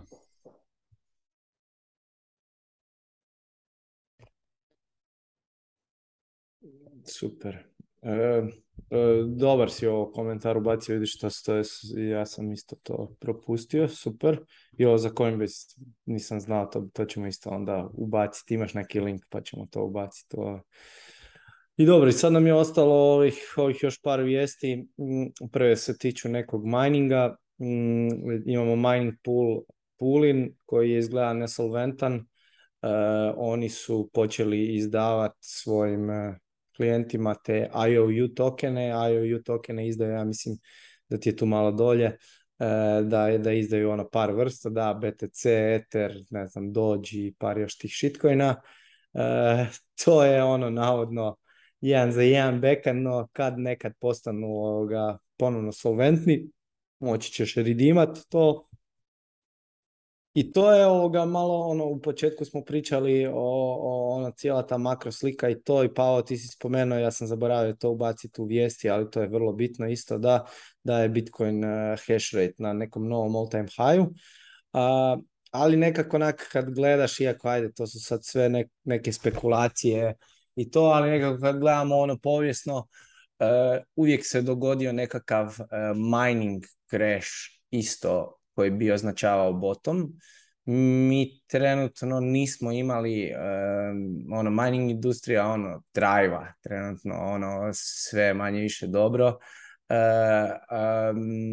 Tek sad Mislim, imali smo situaciju, ono, ja sam na prijašnjim podcastima kad smo imali onih par padova, uh, e, Power spomenuo da, da dolazi do prodaje, ono, do, do, prodaje Bitcoina i to, ali i, i, i, malo je oprema pala i to, ali mm, nismo imali onak nekakav značajan selo. Sad ja ne znam da li mi možemo, mm, to je čisto nekakva moja spekulacija, ali uh, u koroni kad je bio bottom prošlog bear marketa, smo imali velike probleme u mining industriji i nije ovako izgledalo. Sad da li se tu mogu povući neke paralele ili ne, e, to ćemo tek vidjeti, ali evo, e, ako, ako sljedećih nekoliko mjeseci nosi neke probleme za mining poolove koji će tek isplivat, možda je ovaj pokazati da je pulin e, nesolventan jedan, jedan od tih pokazatelja.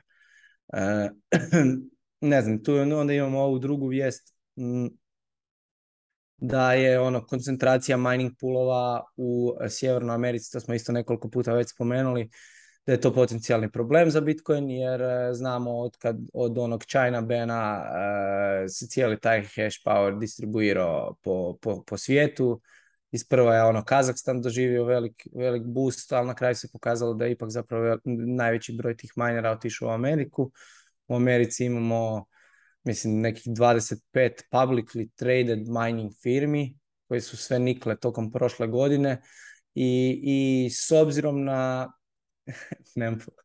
i s obzirom na na ovoga e, na ova ofak o kojem smo sad pričali i, i, i tim stvarima e, po meni nije ono i, i sek američki i, i, i sve te ovoga gdje, oni svojim, svojim tom nekom onom mašinerijom i time što su oni ono glavni, ajmo reći neki šefovi svijeta. E, mm, ja moram priznati da se slažem da mislim da to nije baš e, najbolje, da se centralizira hash power u Americi da zato što oni mogu jednostavno Mislim, to i dalje nije nikakav tret na Bitcoin, ali bolje bi bilo da, da toga nema. Jer regulatori mogu pritisnuti e, pool ownere i, i, ovoga, i na neki način ih prisiliti da mogu, Šta mogu napraviti? Znači, šta, šta mogu regulatori napraviti? Pritiskat na, evo, šta, su, šta mogu američki regulatori napraviti e, jače nego su nego što je napravio nego što su Kinezi napravili, pogledaj ovaj, pogledaj Pa dobro, da, to da je najgore što se desilo. Znači sve je to po meni ogroman, ogroman ono šum. Znači, Who cares? Pa- Nikakav major threat to Bitcoin. Ovo je bullshit. Ovo ko je ovo napisao ovaj članak? Ne, ja se slažem samo da, da, da malo opravim svoje stavljanje. Ja se slažem da to nije major threat, ali ti moraš uzeti u obzir da znači e, ti u tom slučaju e, će ti sve te publicly traded e, firme Mhm. će ti ići u svojevrsni stečaj. Znači imat ćeš velik sell-off Bitcoina, imat ćeš pa velik sell-off njegovog pa taj to. Tako da, to mislim, to, to, će, to će rezultirati u konačnici da, ovim bi rezultiralo, ja neću, neću govoriti da će, jer upitno je uopće da li će do toga doći, ali to bi rezultiralo da. nekakvim padom hash rate koji bi se u konačnici opet preselili negdje drugdje. Bitcoin ko Bitcoin bi dalje funkcionirao normalno, znači ne bi tu bilo nikakvih, nikakvih problema, ali ono, e, Znači, pad hash rate sve ok. Znači, pad cijene, neka dampaju mineri e, više Bitcoina da, zato što moraju platiti e, bankruptcy, ok. Znači, mineri promijene vlasnika i, idemo dalje. Znači, ono, dropat ćemo sa milijun na 700 tisuća dolara po Bitcoinu jer su američki mineri, ono, pokušili i onda ćemo opet se vratiti na 2 milijuna. Znači, to su sve... Znači, ono što je meni samo strašno da bi volio ono, ponovno e, jednostavno uh, ovu fascinantnu, nevjerojatnu činjenicu da smo ono, pogledajte koliko smo mi koliko smo mi išli gore u hash rateu od 2018. u četiri godine. Znači, ma mislim, mi ne, ne, dovoljno koliko je ovo, koliko je ovo brutalno, e, šta imamo pod svojim rukama jer e, ne znam, jednostavno ono, Bitcoin doesn't care, ono, doesn't give a F. Znači jednostavno to je mašina koja grova, koja raste, koja je unstoppable. To niko ništa ne može stopati. Ništa, ništa, ništa, ništa. Sve što god se dogodi, samo, samo, samo dodatno strengthena uh, fundamentale Bitcoina. E, I, da, vrlo, vrlo, vrlo važna, vrlo važan point. Znači, pogledajte ovaj growth to hash rate u zadnjih e, godinu dana u environmentu energy crisis u cijelom svijetu. Znači, cijeli svijet priča o energy crisisu, o inflaciji. Energy crisis, a Bitcoin hash rate raste. Kako to da Bitcoin hash rate raste, a imamo energy crisis? Skyrocketing electricity prices. Znači, u, u Europskoj uniji, ono, cijene struje su se, ono, 5 excel 10 excel a Bitcoin hash rate raste. Znači, ljudi se moraju započeti pitat kako to, kako je to moguće da Bitcoin hash rate raste, a cijene struje rastu. Zato što Bitcoin hashira na struji koja nema market price, koja je ono praktički wasted electricity. To kad ljudi, što više, kako over time budu ljudi to figure out-ali, ono, jednostavno će postati e, Bitcoin, ono, bit će im jasno šta je Bitcoin.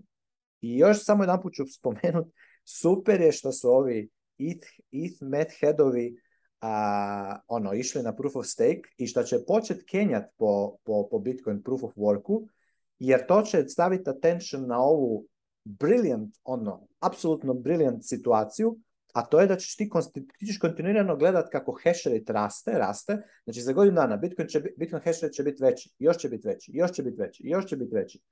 I, a ovi ovdje pajaci će ti samo ono bacat, onaj glupi Greenpeace koji će biti bankrupt za, za koju godinu, će ti pričat, da, boil the oceans, boil the oceans. ljudi će pogledat van, ono, oceans are not boiling, mislim, ono, koji klinac, ljudi nam ono govore, joj, nemojte, nemojte, nemojte, nemojte Bitcoin mining će vam, ono, dignut će vam razinu mora za 5 metara.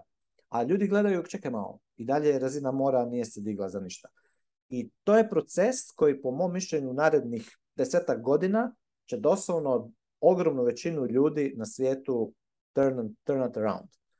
I nevjerovatno ne mogu, ne mogu opisati koliko sam happy i bullish kad vidim, kad vidim ovu, ovu situaciju. Čak i kad vidim unutar Bitcoinera, znači vidim da danas neki, neko napiše research da mining concentration in America poses a major threat to Bitcoin i to je ono kao nekakav članak na no bullshit Bitcoinu. To mi je nevjerojatno mi koliko mi je to buliš. Jer ovi tu će shvatiti šta je, da, da to apsolutno nema nikakve, ono, Bedo vidiš da ovi ovdje Cambridge, ovi su fandani sa, vidiš, u btc.com. čije je btc.com? Šta nije to od ovoga, od, od Mislim da je bila, ali ne znam da li je prodao. Aha, možda nisam, je prodao. Nisam ono, siguran. Pulin, je, smo rekli da je ono, upside down. Da, malo smo upside down, da, malo smo pričali o Pulinu i, i ne znam, prije nedlju dvije. I to je tada bilo kao prestale su isplate. Uh, ima tu dvije neke verzije, malo smo prišli o tome. I mislim, zanimljivo sad da vidimo posle nedlju dvije da, da bukvalno se vidi da imaju neke veće probleme. Uh, meni isto baš zanimljivo da je taj hash rate toliko gura baš jako. To je isto zanimljiva stvar, dobra stvar. Um, e, ja Samo sam htio reći još jednu samo reći. Ajde, znači, vidio sam jučer da su ovi uh, e, Headovi na, na Twitteru, e, neko je rekao da vidiš kako ono, ne, Udi, Udi je rekao kao, ha, ha, ha, kao Bitcoineri, ono, Bitcoin Maxis, oni, oni kenjaju po, po e I neko je napisao kao da kad si stekao sad uh, Ether, nemaš još način da unstake'aš, jel? Na ovome, 2.0 Ethereumu. I onda ono, eh, i onda on to usporedio, da, kao stekanje Ethereuma je kao mining u Bitcoinu. Znači ako ti imaš zapravo centralizaciju u minanju Bitcoina, imaš ne znam, pet pulova koji kontroliraju ne znam koliko postotka hash rate i onda je neko napisao da majmune jedan, ali ti možeš se sa, kad god hoćeš switchat mining pool, ti, ti kad imaš svoje minere, ti pointaš hash rate na pool koji hoćeš. Ako ti ovaj pool nije dobar, recimo ovaj pool in, je očito ono, bozo mining pool, a ti si bozo ako majnaš sa njima. Mislim, ono, majnaj s nečim drugim. Osim ako, ako, ako hoćeš biti bozo, majnaj sa, lošim poolom. Ali point je da ti imaš način, mehanizam kako da od, svičaš se na koji pool god hoćeš. I, i, to što je nešto mining pool ne znači da je, to je samo ono, agregat eh, hash rate, znači nije to, eh, ne mogu, šta mining poolovi mogu cenzurirati. Ako cenzuriraš me transakciju, ok, neću minat s tobom, majnat ću s nekim drugim poolom. Znači, ali ti, ti kao miner ne možeš da znaš da li pool cenzuriše transakcije. Kako ne možeš? Ne možeš da znaš. Zato što oni biraju, ti samo prihvataš to što oni tebi serviraju. Zato nam stiže stracom 2-2. Dobro, ali Pavle, ako, ako ja imam, recimo da ja imam ono 10 milijuna eura u minerima i ja vidim da mi moj pool, da neki drugi pool mi nudi bolji, bolji payout u miningu, zato što taj drugi pool ima neki razlog zašto zašto nudi bolji payout? Zato što vjerojatno uključuje e, u, u, u, konstrukciju bloka transa, ono, UTXO-ove koji su cenzurirani. E sad sam probaj zamisliti ovo. Probaj zamisliti da ti sad Euro, Europska unija kaže sve UTXO-ove koje mi kažemo da su u Rusiji ćemo cenzurirati. Ne, ono, mineri ne smiju to uključivati. Ako ti majnaš sa pulom koji cenzurira, koji actually provodi tu, tu, tu politiku, ti ćeš imati manji payout, manje će ti biti profitabilno manjati sa njima nego sa poolom koji, koji se ne drži glupih e, ono, uredbi Ursula von der Leyen. Znači, ti ćeš uvijek imati na kraju će ti se sve na ekonomsku računicu. Onaj mining pool koji cenzurira će biti, imat će manji payout nego pool koji ne cenzurira. Znači, ti, ti, ti znaš već, ako, ako imaš dva pula i oba dva pula imaju isti payout, znaš da ni jedan ni drugi ne cenzurira. Ali čim jedan pool mora imati manji payout zato što cenzurira transakcije, jer kaže ne, ovih, evo, zamisli sad ono, 80% transakcija je cenzurirano. 80% transakcije jednostavno ne možemo uključivati u, u, u naše blokove jer eto, nas su nam rekli tamo birokrati da ne smijemo. Pa šta misliš koliko će taj pool dugo, dugo funkcionirati? Mislim, Ali dobro, malo ti... znači, ekonomski, ekonomski game theory sprečava mining poolove da cenzuriraju, ne tehnološko rješenje. Ne, malo je kompleksnije. Može samo, po, ajmo reći, make it easier, ali već sada ne možeš cenzurirati zradi ekonomskog Malo je, malo je kompleksnija tema, jer ovo na šta je Pavle ciljao su, ja mislim, pojedine transakcije. Ovo o čem ti pričaš je kad je ogroman broj, ono kad ti imaš, ne znam, 50% transakcija ili tako nešto, normalno da ćeš primijetiti, ovo ti je nešto što ćeš generalno kasnije primijetiti i cijeli ova priča sa pulinom i sa svim tim, znači, kuš, e, su isto ono, E, firme. Firme, ajmo reći, koje te na neki način moraju privući da ti dođeš kod njega. Znači oni svi imaju različit nekakav incentive model ti imaš raznih tih e, modela, mislim da imaš četiri osnovna modela kad ti joinaš mining pool. Na taj način se biraju mining poolovi. Imaš jedan koji ti je ono praktički da ti solo majnaš, ne? Znači ono sve šta ono ako ti nađeš blok dobivaš sve. Imaš da. onda da sudjeluješ sa svojim hash onda imaš onaj neki proporcionalne sad do se to izbučero, ali možeš ih naći ono četiri, uglavnom imaš recimo ta nekakva kao osnovna i potom ti se i svaki mining pool ti se potom eh, i na taj način ti se payout tvoj razlikuje. Znači imat ćeš različit payout bez obzira što ti na primjer imaš četiri minera koje su ti upaljene, imat ćeš različit payout na primjer u Pulinu i u slašu, odnosno sad u Brainsu. Mhm. Zato što oni imaju različit taj model. Tako da te neke stvari eh, možeš shvatiti ali nećeš ih shvatiti instant. I ovo kad kažeš sad recimo Pulin je nesolventan, naravno da će većina e, neće više majnat u Pulinu, ali je stvar u tom da, oni, da, da, da neki od njih trebaju dobiti reward koji su izmajnali, znači tebi ne sjeda reward instant. To, e, jer upravo u tom stvar mining pula Mining poolu sjeda reward instant'a solo mineru, odnosno tim ljudima koji su joinerni u mining pool, oni moraju isplaćivati. Sad, ti imaš, ne znam, recimo slash pool, ja znam, jel ja imam jedan miner i igram se s tim, slash pool ima threshold od milion satoshija prije nego što ti možeš napraviti isplatu. Ja sa solo minerom minam godinu dana, skoro nisam još došao do milion satoshija, kužiš. Tako da recimo meni da oni sad krenu e, e, ne isplaćivati, ja doslovno sam majno za džabet, odnosno plaćao sam struju, ali nisam dobio ništa bitcoina, kužiš svoj. Sad u slučaju nekih ono većih entiteta je to malo drugčije, ali on ne idu transakcije, tako da ono, nije, nije skroz tako crno-bijelo, ali definitivno je jednostavnije nego u bilo kojem drugom slučaju, jer ti, da, svog minera instant možeš spojiti, možda ćeš nekad pušiti dva, tri dana nečeg šta si majno, možda će ti trebati dva, tri dana da skužiš da oni cenzuriraju nekakve stvari, pa ćeš se opet na nekakvu drugu. Definitivno je prebacivanje relativno jednostavno, ali nije toliko crno-bijela.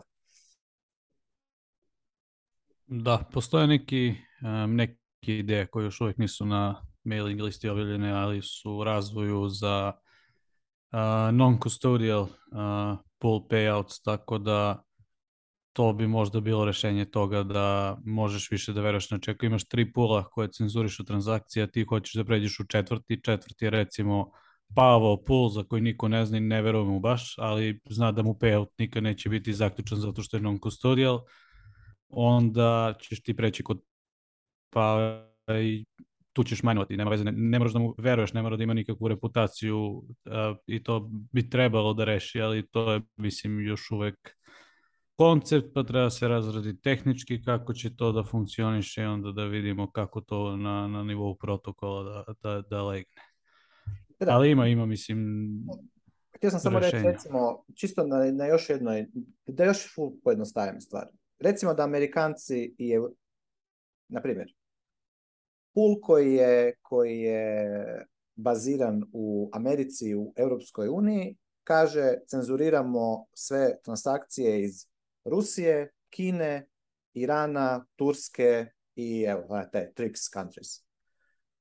I onda Rusija, Kina, Iran i Turska kažu ne, evo, mi ćemo napraviti svoj mining pool i ovdje nećemo cenzurirati te transakcije. Šta će mineri, šta će jedan, evo recimo, Nikica, ima dobro jednog minera, ajmo reći da imaš malo više, ajmo, reći da se hoćeš baviti s miningom, kuš, tako da se ono, fokusiraš se na mining, staviš sav kapital koji imaš, imaš recimo, ne znam, 50 minera koje ranaš i ti si ukopčan tu negde u, u nekakvu hidroelektranu ili negde si ukopčano nekakav ono, e, plinski flare na, na si ono našo, našo ono, skoro za džabe e, struju I, i sad ti vidiš da ti, ne znam, američko-europski e, mining pulovi jednostavno nude, ne znam, 20% manji payout nego ovi ovdje koji koji, imaju, koji će uzeti sve transakcije od sude, jer ne diskriminiraju, a ovi ovdje diskriminiraju. Na koji ćeš se pool prikačiti?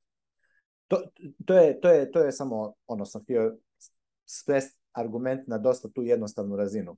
A normalno da, da ono, bolja tehnologija, mislim, kako bih rekao, bolju, bolji, bolja tehnologija i non-custodial mining poolovi koji sve će to do, ono, pomoć, ali čisto na game theory razini mm, ne, ono, nema, nema, ne možeš cenzurirati, hoću reći, ne možeš cenzurirati, odnosno ako cenzuriraš transakcije u, u, u, kao mining pool, e, izgubit ćeš hash rate koji će, koji će ići prema tebi. Ako cenzuriraš možda jednu transakciju ever, ok, niko neće skužiti, ali ako ti sistemski implementiraš politiku cenzure zato što ti je to rekla država, izgubit ćeš hash rate sa svoga pula jer će taj hash rate biti profitabilniji da ide na drugi pool koji to ne, cenzurira. To je, evo, to, to, je, to je point. I point je čisto ekonomski, nije tehnološki. Jer tehnički ti kad odlučiš promijeniti svog pula, ti ga možeš promijeniti. Jel? Znači, tehnički ga možeš promijeniti. Sad samo pitanje šta, šta hoćeš napraviti. Hoćeš li, hoćeš li nastaviti majnat sa compliant poolom koji cenzurira pol svijeta transakcije, jer su, su im tako rekli e, Sleepy Joe i Ursula von der Leyen, ili ćeš jednostavno ono, go around it. I to je to. Ekonomski argument, to, to sam htio reći e, da, da, da kod njega. Mislim, generalno, dobro, ne da, da, da ne ulazim. Ajmo još, ajmo još dalje. Da, da, Pavle, ti si stavio neki tweet od Rubena, ne znam, jel hoćeš malo da komentariš, komentarišeš na to? Neću, to je bilo vezano za ovu Pavovu priču da Bitcoin će uvijek uspjeti bez obzira na sve, pa sam bacio samo kontraargument. Ovo, ovo je Greg Maxwell napisao da je najbolji način da Bitcoin propadne je da mi vjerujemo da je njegov uspjeh zagarantovan 100%. Tako da ima tu malo dublje objašnjenje zašto je to tako, pa sam samo hteo kontraargument, ali je bilo, već, već je kasno, mislim, prošli smo tu temu, pa a ima, link negdje na to? Da, da, da, evo u chat. na... u mm. Stavit ćemo tu link, mislim da je to dobra perspektiva isto, kaže ono kad, kad imaš decentralizovan sistem onda odgovornost uh, silazi do najnižeg nivoa što je svaka osoba. ja mislim da je to dobro rekao. Mislim svaki sistem ima svoje kao costs and compromises. Najveći compromise u, u, u uh, strongly decentralized system, yet uh, it is all of our jobs to, to look out for it. Znači, mislim da imali smo ja i Matija, ne znam, neke podcaste davno o odgovornostu i kako se to veže sa Bitcoinom i mislim da je ovo, mislim, dobar primjer od toga. Um, da ne zapinjemo sad za tu Uh, A da, bile... svi bi, slažem se, slažem se, evo, evo, evo, samo, samo da potpišem, potpisujem ovo što je rekao Greg e, Maxwell. E, look out for it, znači look outaš na Bitcoin kada ga držiš i koristiš svakom, svakom dan, svaki dan. Znači sama činjenica da ga držiš i da ga koristiš i da stavljaš svoj, svoj economic energy u njega, daje taj ono bazični price flow, daje taj monetary demand koji onda privlači sve ostalo što, što, ga, što, želi protekta taj monetary demand, taj value koji se akrua na njemu. Dobro, da, da, slažem se. Mislim, market will provide protection, mislim, market. Ja mislim da, bi, da, da market uvijek provajda sve što treba. Jer market smo skup suma svih nas koji, koji participiramo. Tako da, dobro, filozofski, kako god ćemo to reći, evo, potpisujem neka Bitcoin da, to ti je taj osnovna uh, Austrian economic perspective. Pa da, da, da. da je fight to protect it. ja ću fajtat se da protektam Bitcoin svak, svakodnevnim onim svojim korištenjem. Znači, nema, tog, nema toga nema te države, nema te prijetnje koja će meni, koja će napraviti to da, oni me, da, da ja sad ću reći ne, ja više neću držati Bitcoin, ja više neću koristiti Bitcoin, ja ću koristiti vaš e, ono fiat, compliant, CBDC, Ethereum, shitcoin, e, bozocoin, šta god. Mislim, mogu oni meni reći da, ali ići ćeš u zatvor. Dobro, ići ću u zatvor, ali neću koristiti to, to tvoje ono, slavery govno. Koristit ću ili Bitcoin ili ću ići u svemir sa svojim solom. I to je to. A, ono, a to šta... I takvi, znači to, to, to ti je ono što ti provajda taj demand koji onda jednostavno iz njega možeš imati sve, sve, sve ostalo što, to, to je taj, to je, kako rekao, to je ta jezgra koja, koja to drži. Ta jezgra raste over time. Zato je Bitcoin strong Ali super, ovo, je odlično neka. Da. Big Šteta što Greg nije na Twitteru. Ovoga, da. Pa... A što nije on bio? Ne, on je na Redditu. Nije, nije. nije. Ovo je sve s Reddit. I Bitcoin Talk i to. Ne? Čeče, nisam taj Reddit upalio već uh, valjda od 2019. Ono. Ja samo idem da pogledamo ono na njegove postove kad komentariše ili nešto. baš, je ono, baš je dobar lik, pametan, ima ono čitav, ono, objasni sve da. i razumije. A on je ovim big cashadima najgori, najgori neprijatelj, što Da, mrze ga, mrze ga. da. Hoćemo, evo na sljedeće, sad imamo, vidim da ima neki novi uh, mining open source kalkulator neki, je to za da, pa to sam ubacio, to, fora, to sam neki dan vidio, onda sam vidio i na no bullshit, klikni ovaj link, evo imaš ovaj red, to. E, I ono, jako, jako lijepo, ono, ako si hoćeš neke stvari izračunat, zanimate, bla, bla, bla, sve. Mislim, ima tih kalkulatora masu na internetu, ovo mi se sviđa što je ovo novije, ovako, open source, fully open source i tako, to je da, ono to sam ubacio čisto jer smo imali sad ove vijesti vezane za mining, pa ja, ne moram to previše kog zanima, može se tu malo poigrati, ali to je to. A onda sljedeća vijest se tiče, evo imali smo prije, ono prije ne znam, dva, tri tjedna smo pričali sa Igorom koji radi u Foundation Devicesu, onda smo ja mislim na podcastu tjedan dana nakon toga pričali o blokovom hardware walletu i kako sve transparentno objavljuju i kako je to zapravo prvi put u povijesti da imamo nekoga ko na taj način builda zapravo svoj hardware wallet, a sad imamo od Linux Foundationa da su oni najavili Open Wallet Foundation. tu nigdje specifično ne piše Bitcoin, mm, i, i, ja mislim da je Tech Foundation napravljen, znači nema još nekakvih ono projekata ili čim će se oni baviti, ali meni je zanimljivo jer dolazi od Linuxa ne znam, sad možda Pavle, eventualno pretpostavljam bi mogao znati nešto više o tom, da li se to negdje čuo ili, ili nešto. Ovo je generalno za sve digitalne volete i mislim da će im cilj biti da prave interoperabilne volete, znači ne konkretno za kriptovalute ili šta god, nego volete gdje ćeš ti moći da čuvaš, ne znam, ID, da vršiš transakcije da bi to bilo interoperabilno između različitih operativnih sistema. Znači, u suštini problem koji mi imamo u Bitcoinu, ali nigde nisam video da se, ali da ono, napomenu da sam preletao preko teksta samo, tako da mislim da ovo baš i nema neke veze sa Bitcoinom sam po sebi.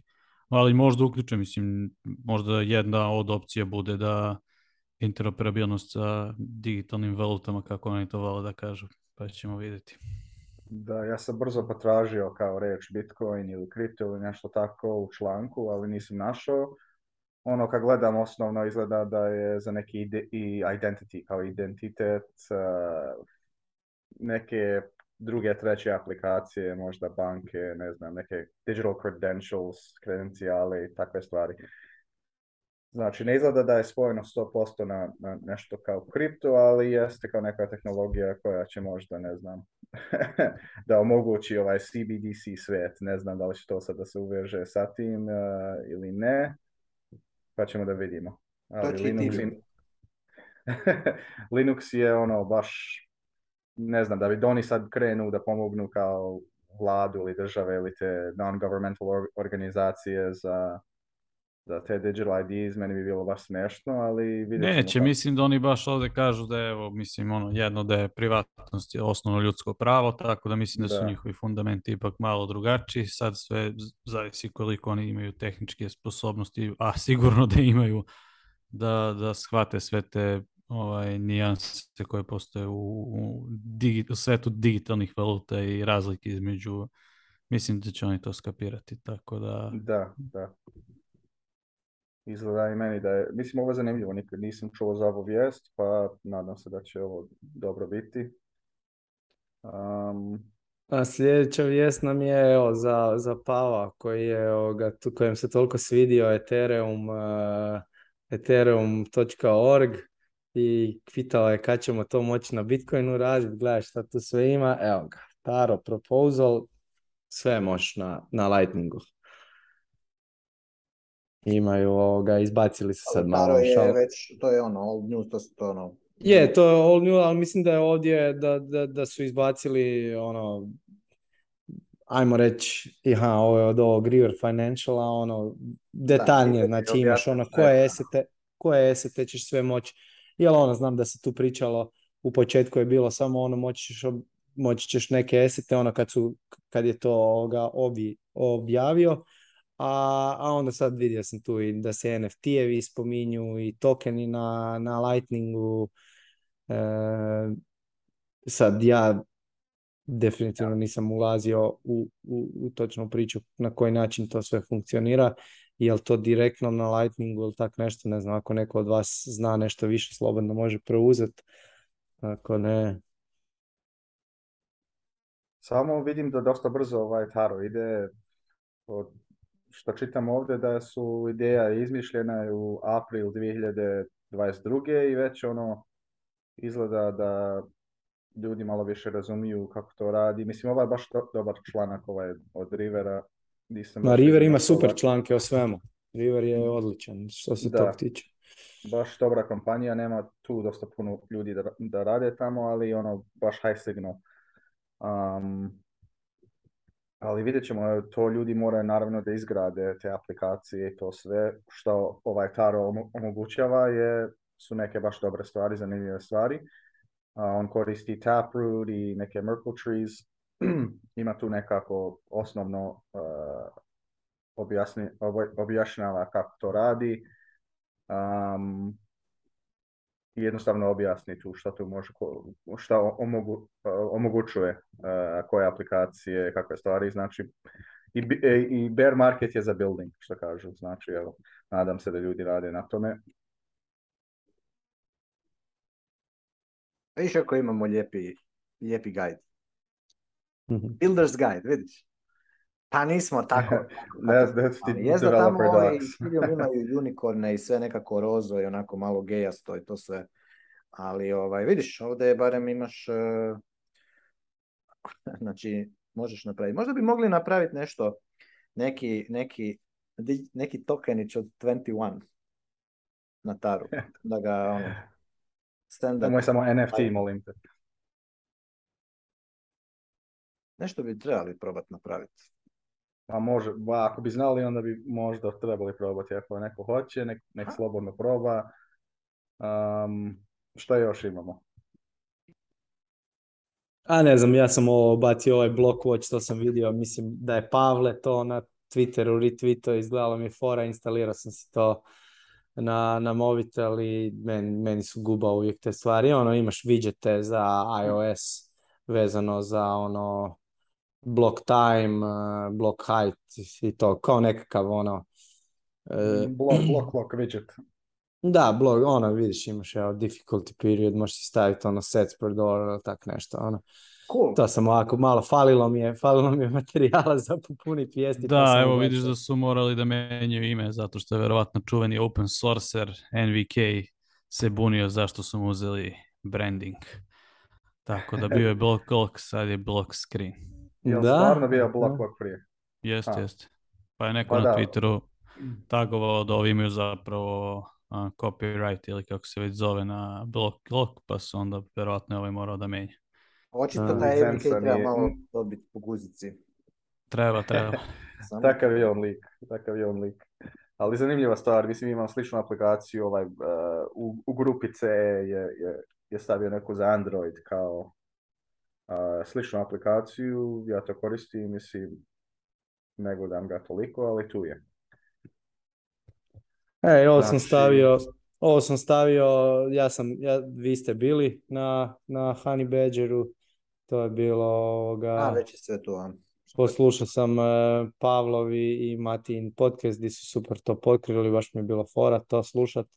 Ja sam poslušao na YouTube-u na Hodl Hodl kanalu, imate sa ovog main stage-a, da, dan jedan, dan dva, imate ono 16 sati materijala, iako dobro, tu, tu su i, rupe neke, ono, i, može se to relativno brzo poslužati, ali ovaj set stage nije bio nigdje do sad, to su stavili na Bitcoin TV, E, nisam stigao još nijedno pogled, znam da ste vi svi Gigi-evu hvalili e, u, u zelenom dijelu i tako, pa ono, to je generalno meni ovako općenito nekako iskustveno od, od konferencija koje gledam online uvijek su ti stageevi e, najbolji, taj ono neki second stage i tak je bilo i na onoj konferenciji u Majamiju gdje je bio onaj od Metodela, mislim da se isto zvao set stage. E, open source stage. Open source stage, e, tako je, bravo. tako da ovdje sigurno ima ono kvalitetnog materijala za nekog, ja, to smo linkali, a kak neko nije vidio i želi poslušati. I onda ova zadnja vijest, mislim da je to Pavle stavio i to definitivno treba spomenuti, ovo suđenja Hodlnaut vs. Satoshi.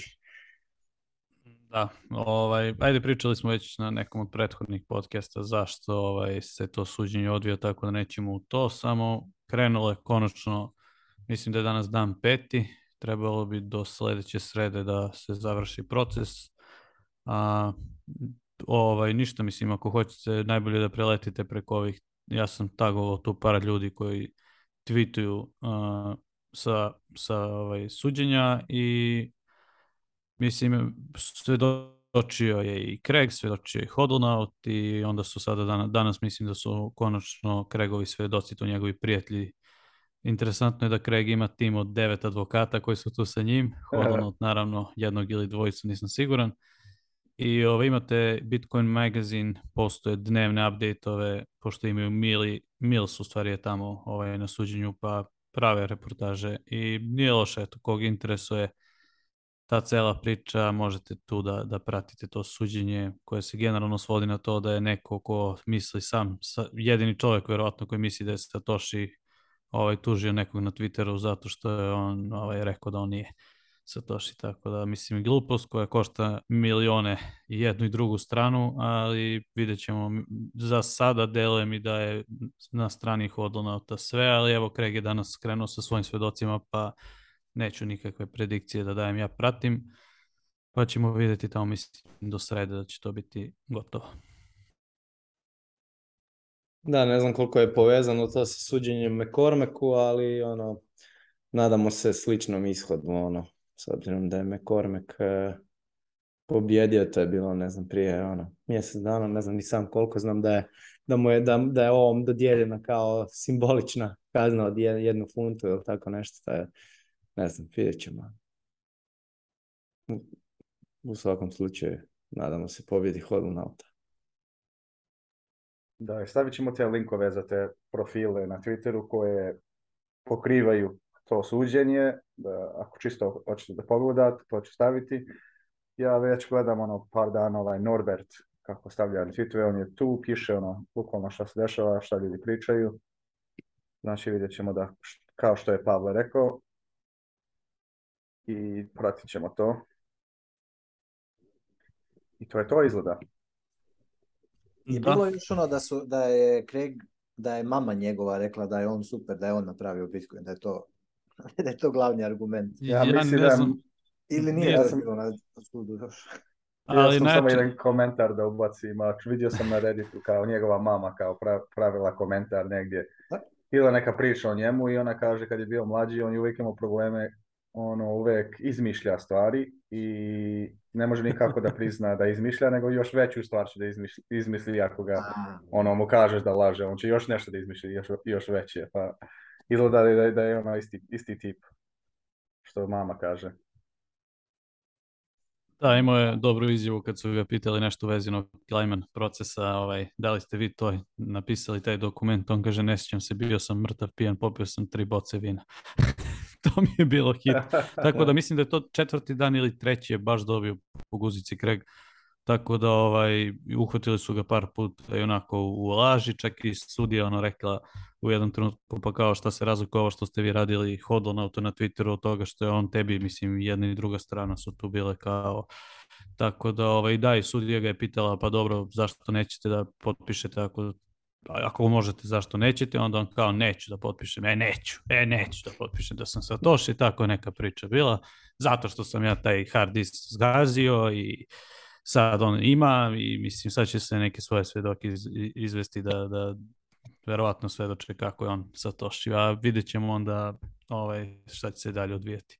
Ali mi je to da, te dve stvari, da je mrtav pijan pisao nešto i, i, i da e, neću da potpišem, je to mi isto bilo neću, super, kao, kao, kao neko dete lakše mu je ono da izleti ono kao devet advokata i, i sebe i čitati svoj tim tamo da, da ide na suđenje ne ljudana nego da jednostavno otvori kompjuter i da potpiše da da, pa to je, address, da. mislim da je to bilo pitanje kao čekaj ako vi ovo potpišete ovo bi sve bilo gotovo tako nešto tako da ta stvar je, ali opet ovo je suđenje, sad vidjet ćemo konkretno zašto će se njemu tu sad optužba, tako da ja se nadam najboljem, ali ovaj, da, još uvijek traje, tako da nije, nije gotovo. Važi. da, da. Ne znam, ima neke... Ja sam samo htio za Bitcoin Amsterdam, ako neko hoće da ide ili slučajno ide, neka se javi da idemo zajedno. I to je to da vidimo ako možemo nešto karte da, sredimo. Mislim da to isto možda ćemo nešto moći, mada su baš skočili, oni su ih baš digli sada. Ako neko hoće da ide ili da idemo opet kao grupa, možemo, mada je malo konferencija onako, ne znam, malo veći shit show nego Riga. Riga je bila baš onako hardcore Bitcoin konferencija, ovo mi je malo onako, pokušavaju da dovedu Miami u Amsterdam, tako da nisam ja siguran. Ja sam se dvomio da li na kraju da prihvatim ili ne, ali ajde kao. Pa ćemo da oni hoće da uđu kao u evropsku konkurenciju sa, sa tim brandom, pa probaju da, da, da se snažu. Da, da, da. Znači od 12. do 14. oktobra. Da, volio bi ići, ali ono, ima neke razloge, ne, mogu ove godine, ali znam da planiram za, za Rigu. Sljedeće godine ću 100% ići ako ima. A za ostale konferencije ne znam, pa ćemo da vidimo. volio bi otići, ali ono, financijski nema sad smisla da idem na svaku konferenciju, dok bar ne, ne nađem neki posao, znači, ako neko mi može pomoći, ono, slobodno javi. A, ja, ja sam htio pitati još ovoga... Da, svakako se javite, Bražu, da, sad sam prekinuo to. A, ovoga, e, jesi li ti, kad se već spomenuli konferencije, jesi ti, Pavle, možda ikad bio u Pragu na ovom po paralelni polis, ovaj hacker, kak se Nisam, kažu da je baš dobra konferencija. znam, ovaj, to, sam ja vidio na Twitteru, izgleda mi ono da je super i znam da sam ono Mislim da sam ja gledao neki ono 2017. ili 2018. kad je Giacomo imao neki tok tamo i znam da mi je to bilo ono wow. To sam vidio da je sad za dva tjedna u mhm. Pragu, ali ne ideš, znači nisi nikad bio, ne planiraš ići na to. Nisam, nisam. Mm. Jer to nije baš ono Bitcoin only, to je više ono kao hackers, ali... Ne neki pa dobro, ja i mislim da konferencije moraju da prestanu da budu Bitcoin, fokusirane samo, nego da mi moramo Bitcoin da bacimo na, na te druge, među te neke druge ljude koji ono, da Bitcoin postane toliko normalna tema da to više uopšte ne bude čudno zašto će se o tome pričati i šta sad neko, nego jednostavno Bitcoin. Kreditna kartica, bukvalno, znači ono šta me briga, šta ko sad priča o bitcoin. Ali dok dođe do te normalizacije, da to bude toliko normalno da nikog ne interesuje, proći će vremena dosta za sada smo srećni u našem bubble, idemo na konferenciji, nas 500, igramo se, trčimo i to je to. da. taj paralelni polis, znam već prati njih, pratio sam njih, ne, znam, već par godina, ja znam da njihova kultura je baš dobra oko tog projekta, ne znam odakle koji, koji im je sponsor, tako to, ali oni su baš prije par godina krenuli i sviđa mi se što oni rade tamo da nisu, ne mislim da je to samo kao Bitcoin only, to je kao neka nije, nije. Više kriptografija i privatnost nego Bitcoin samo. Da, da.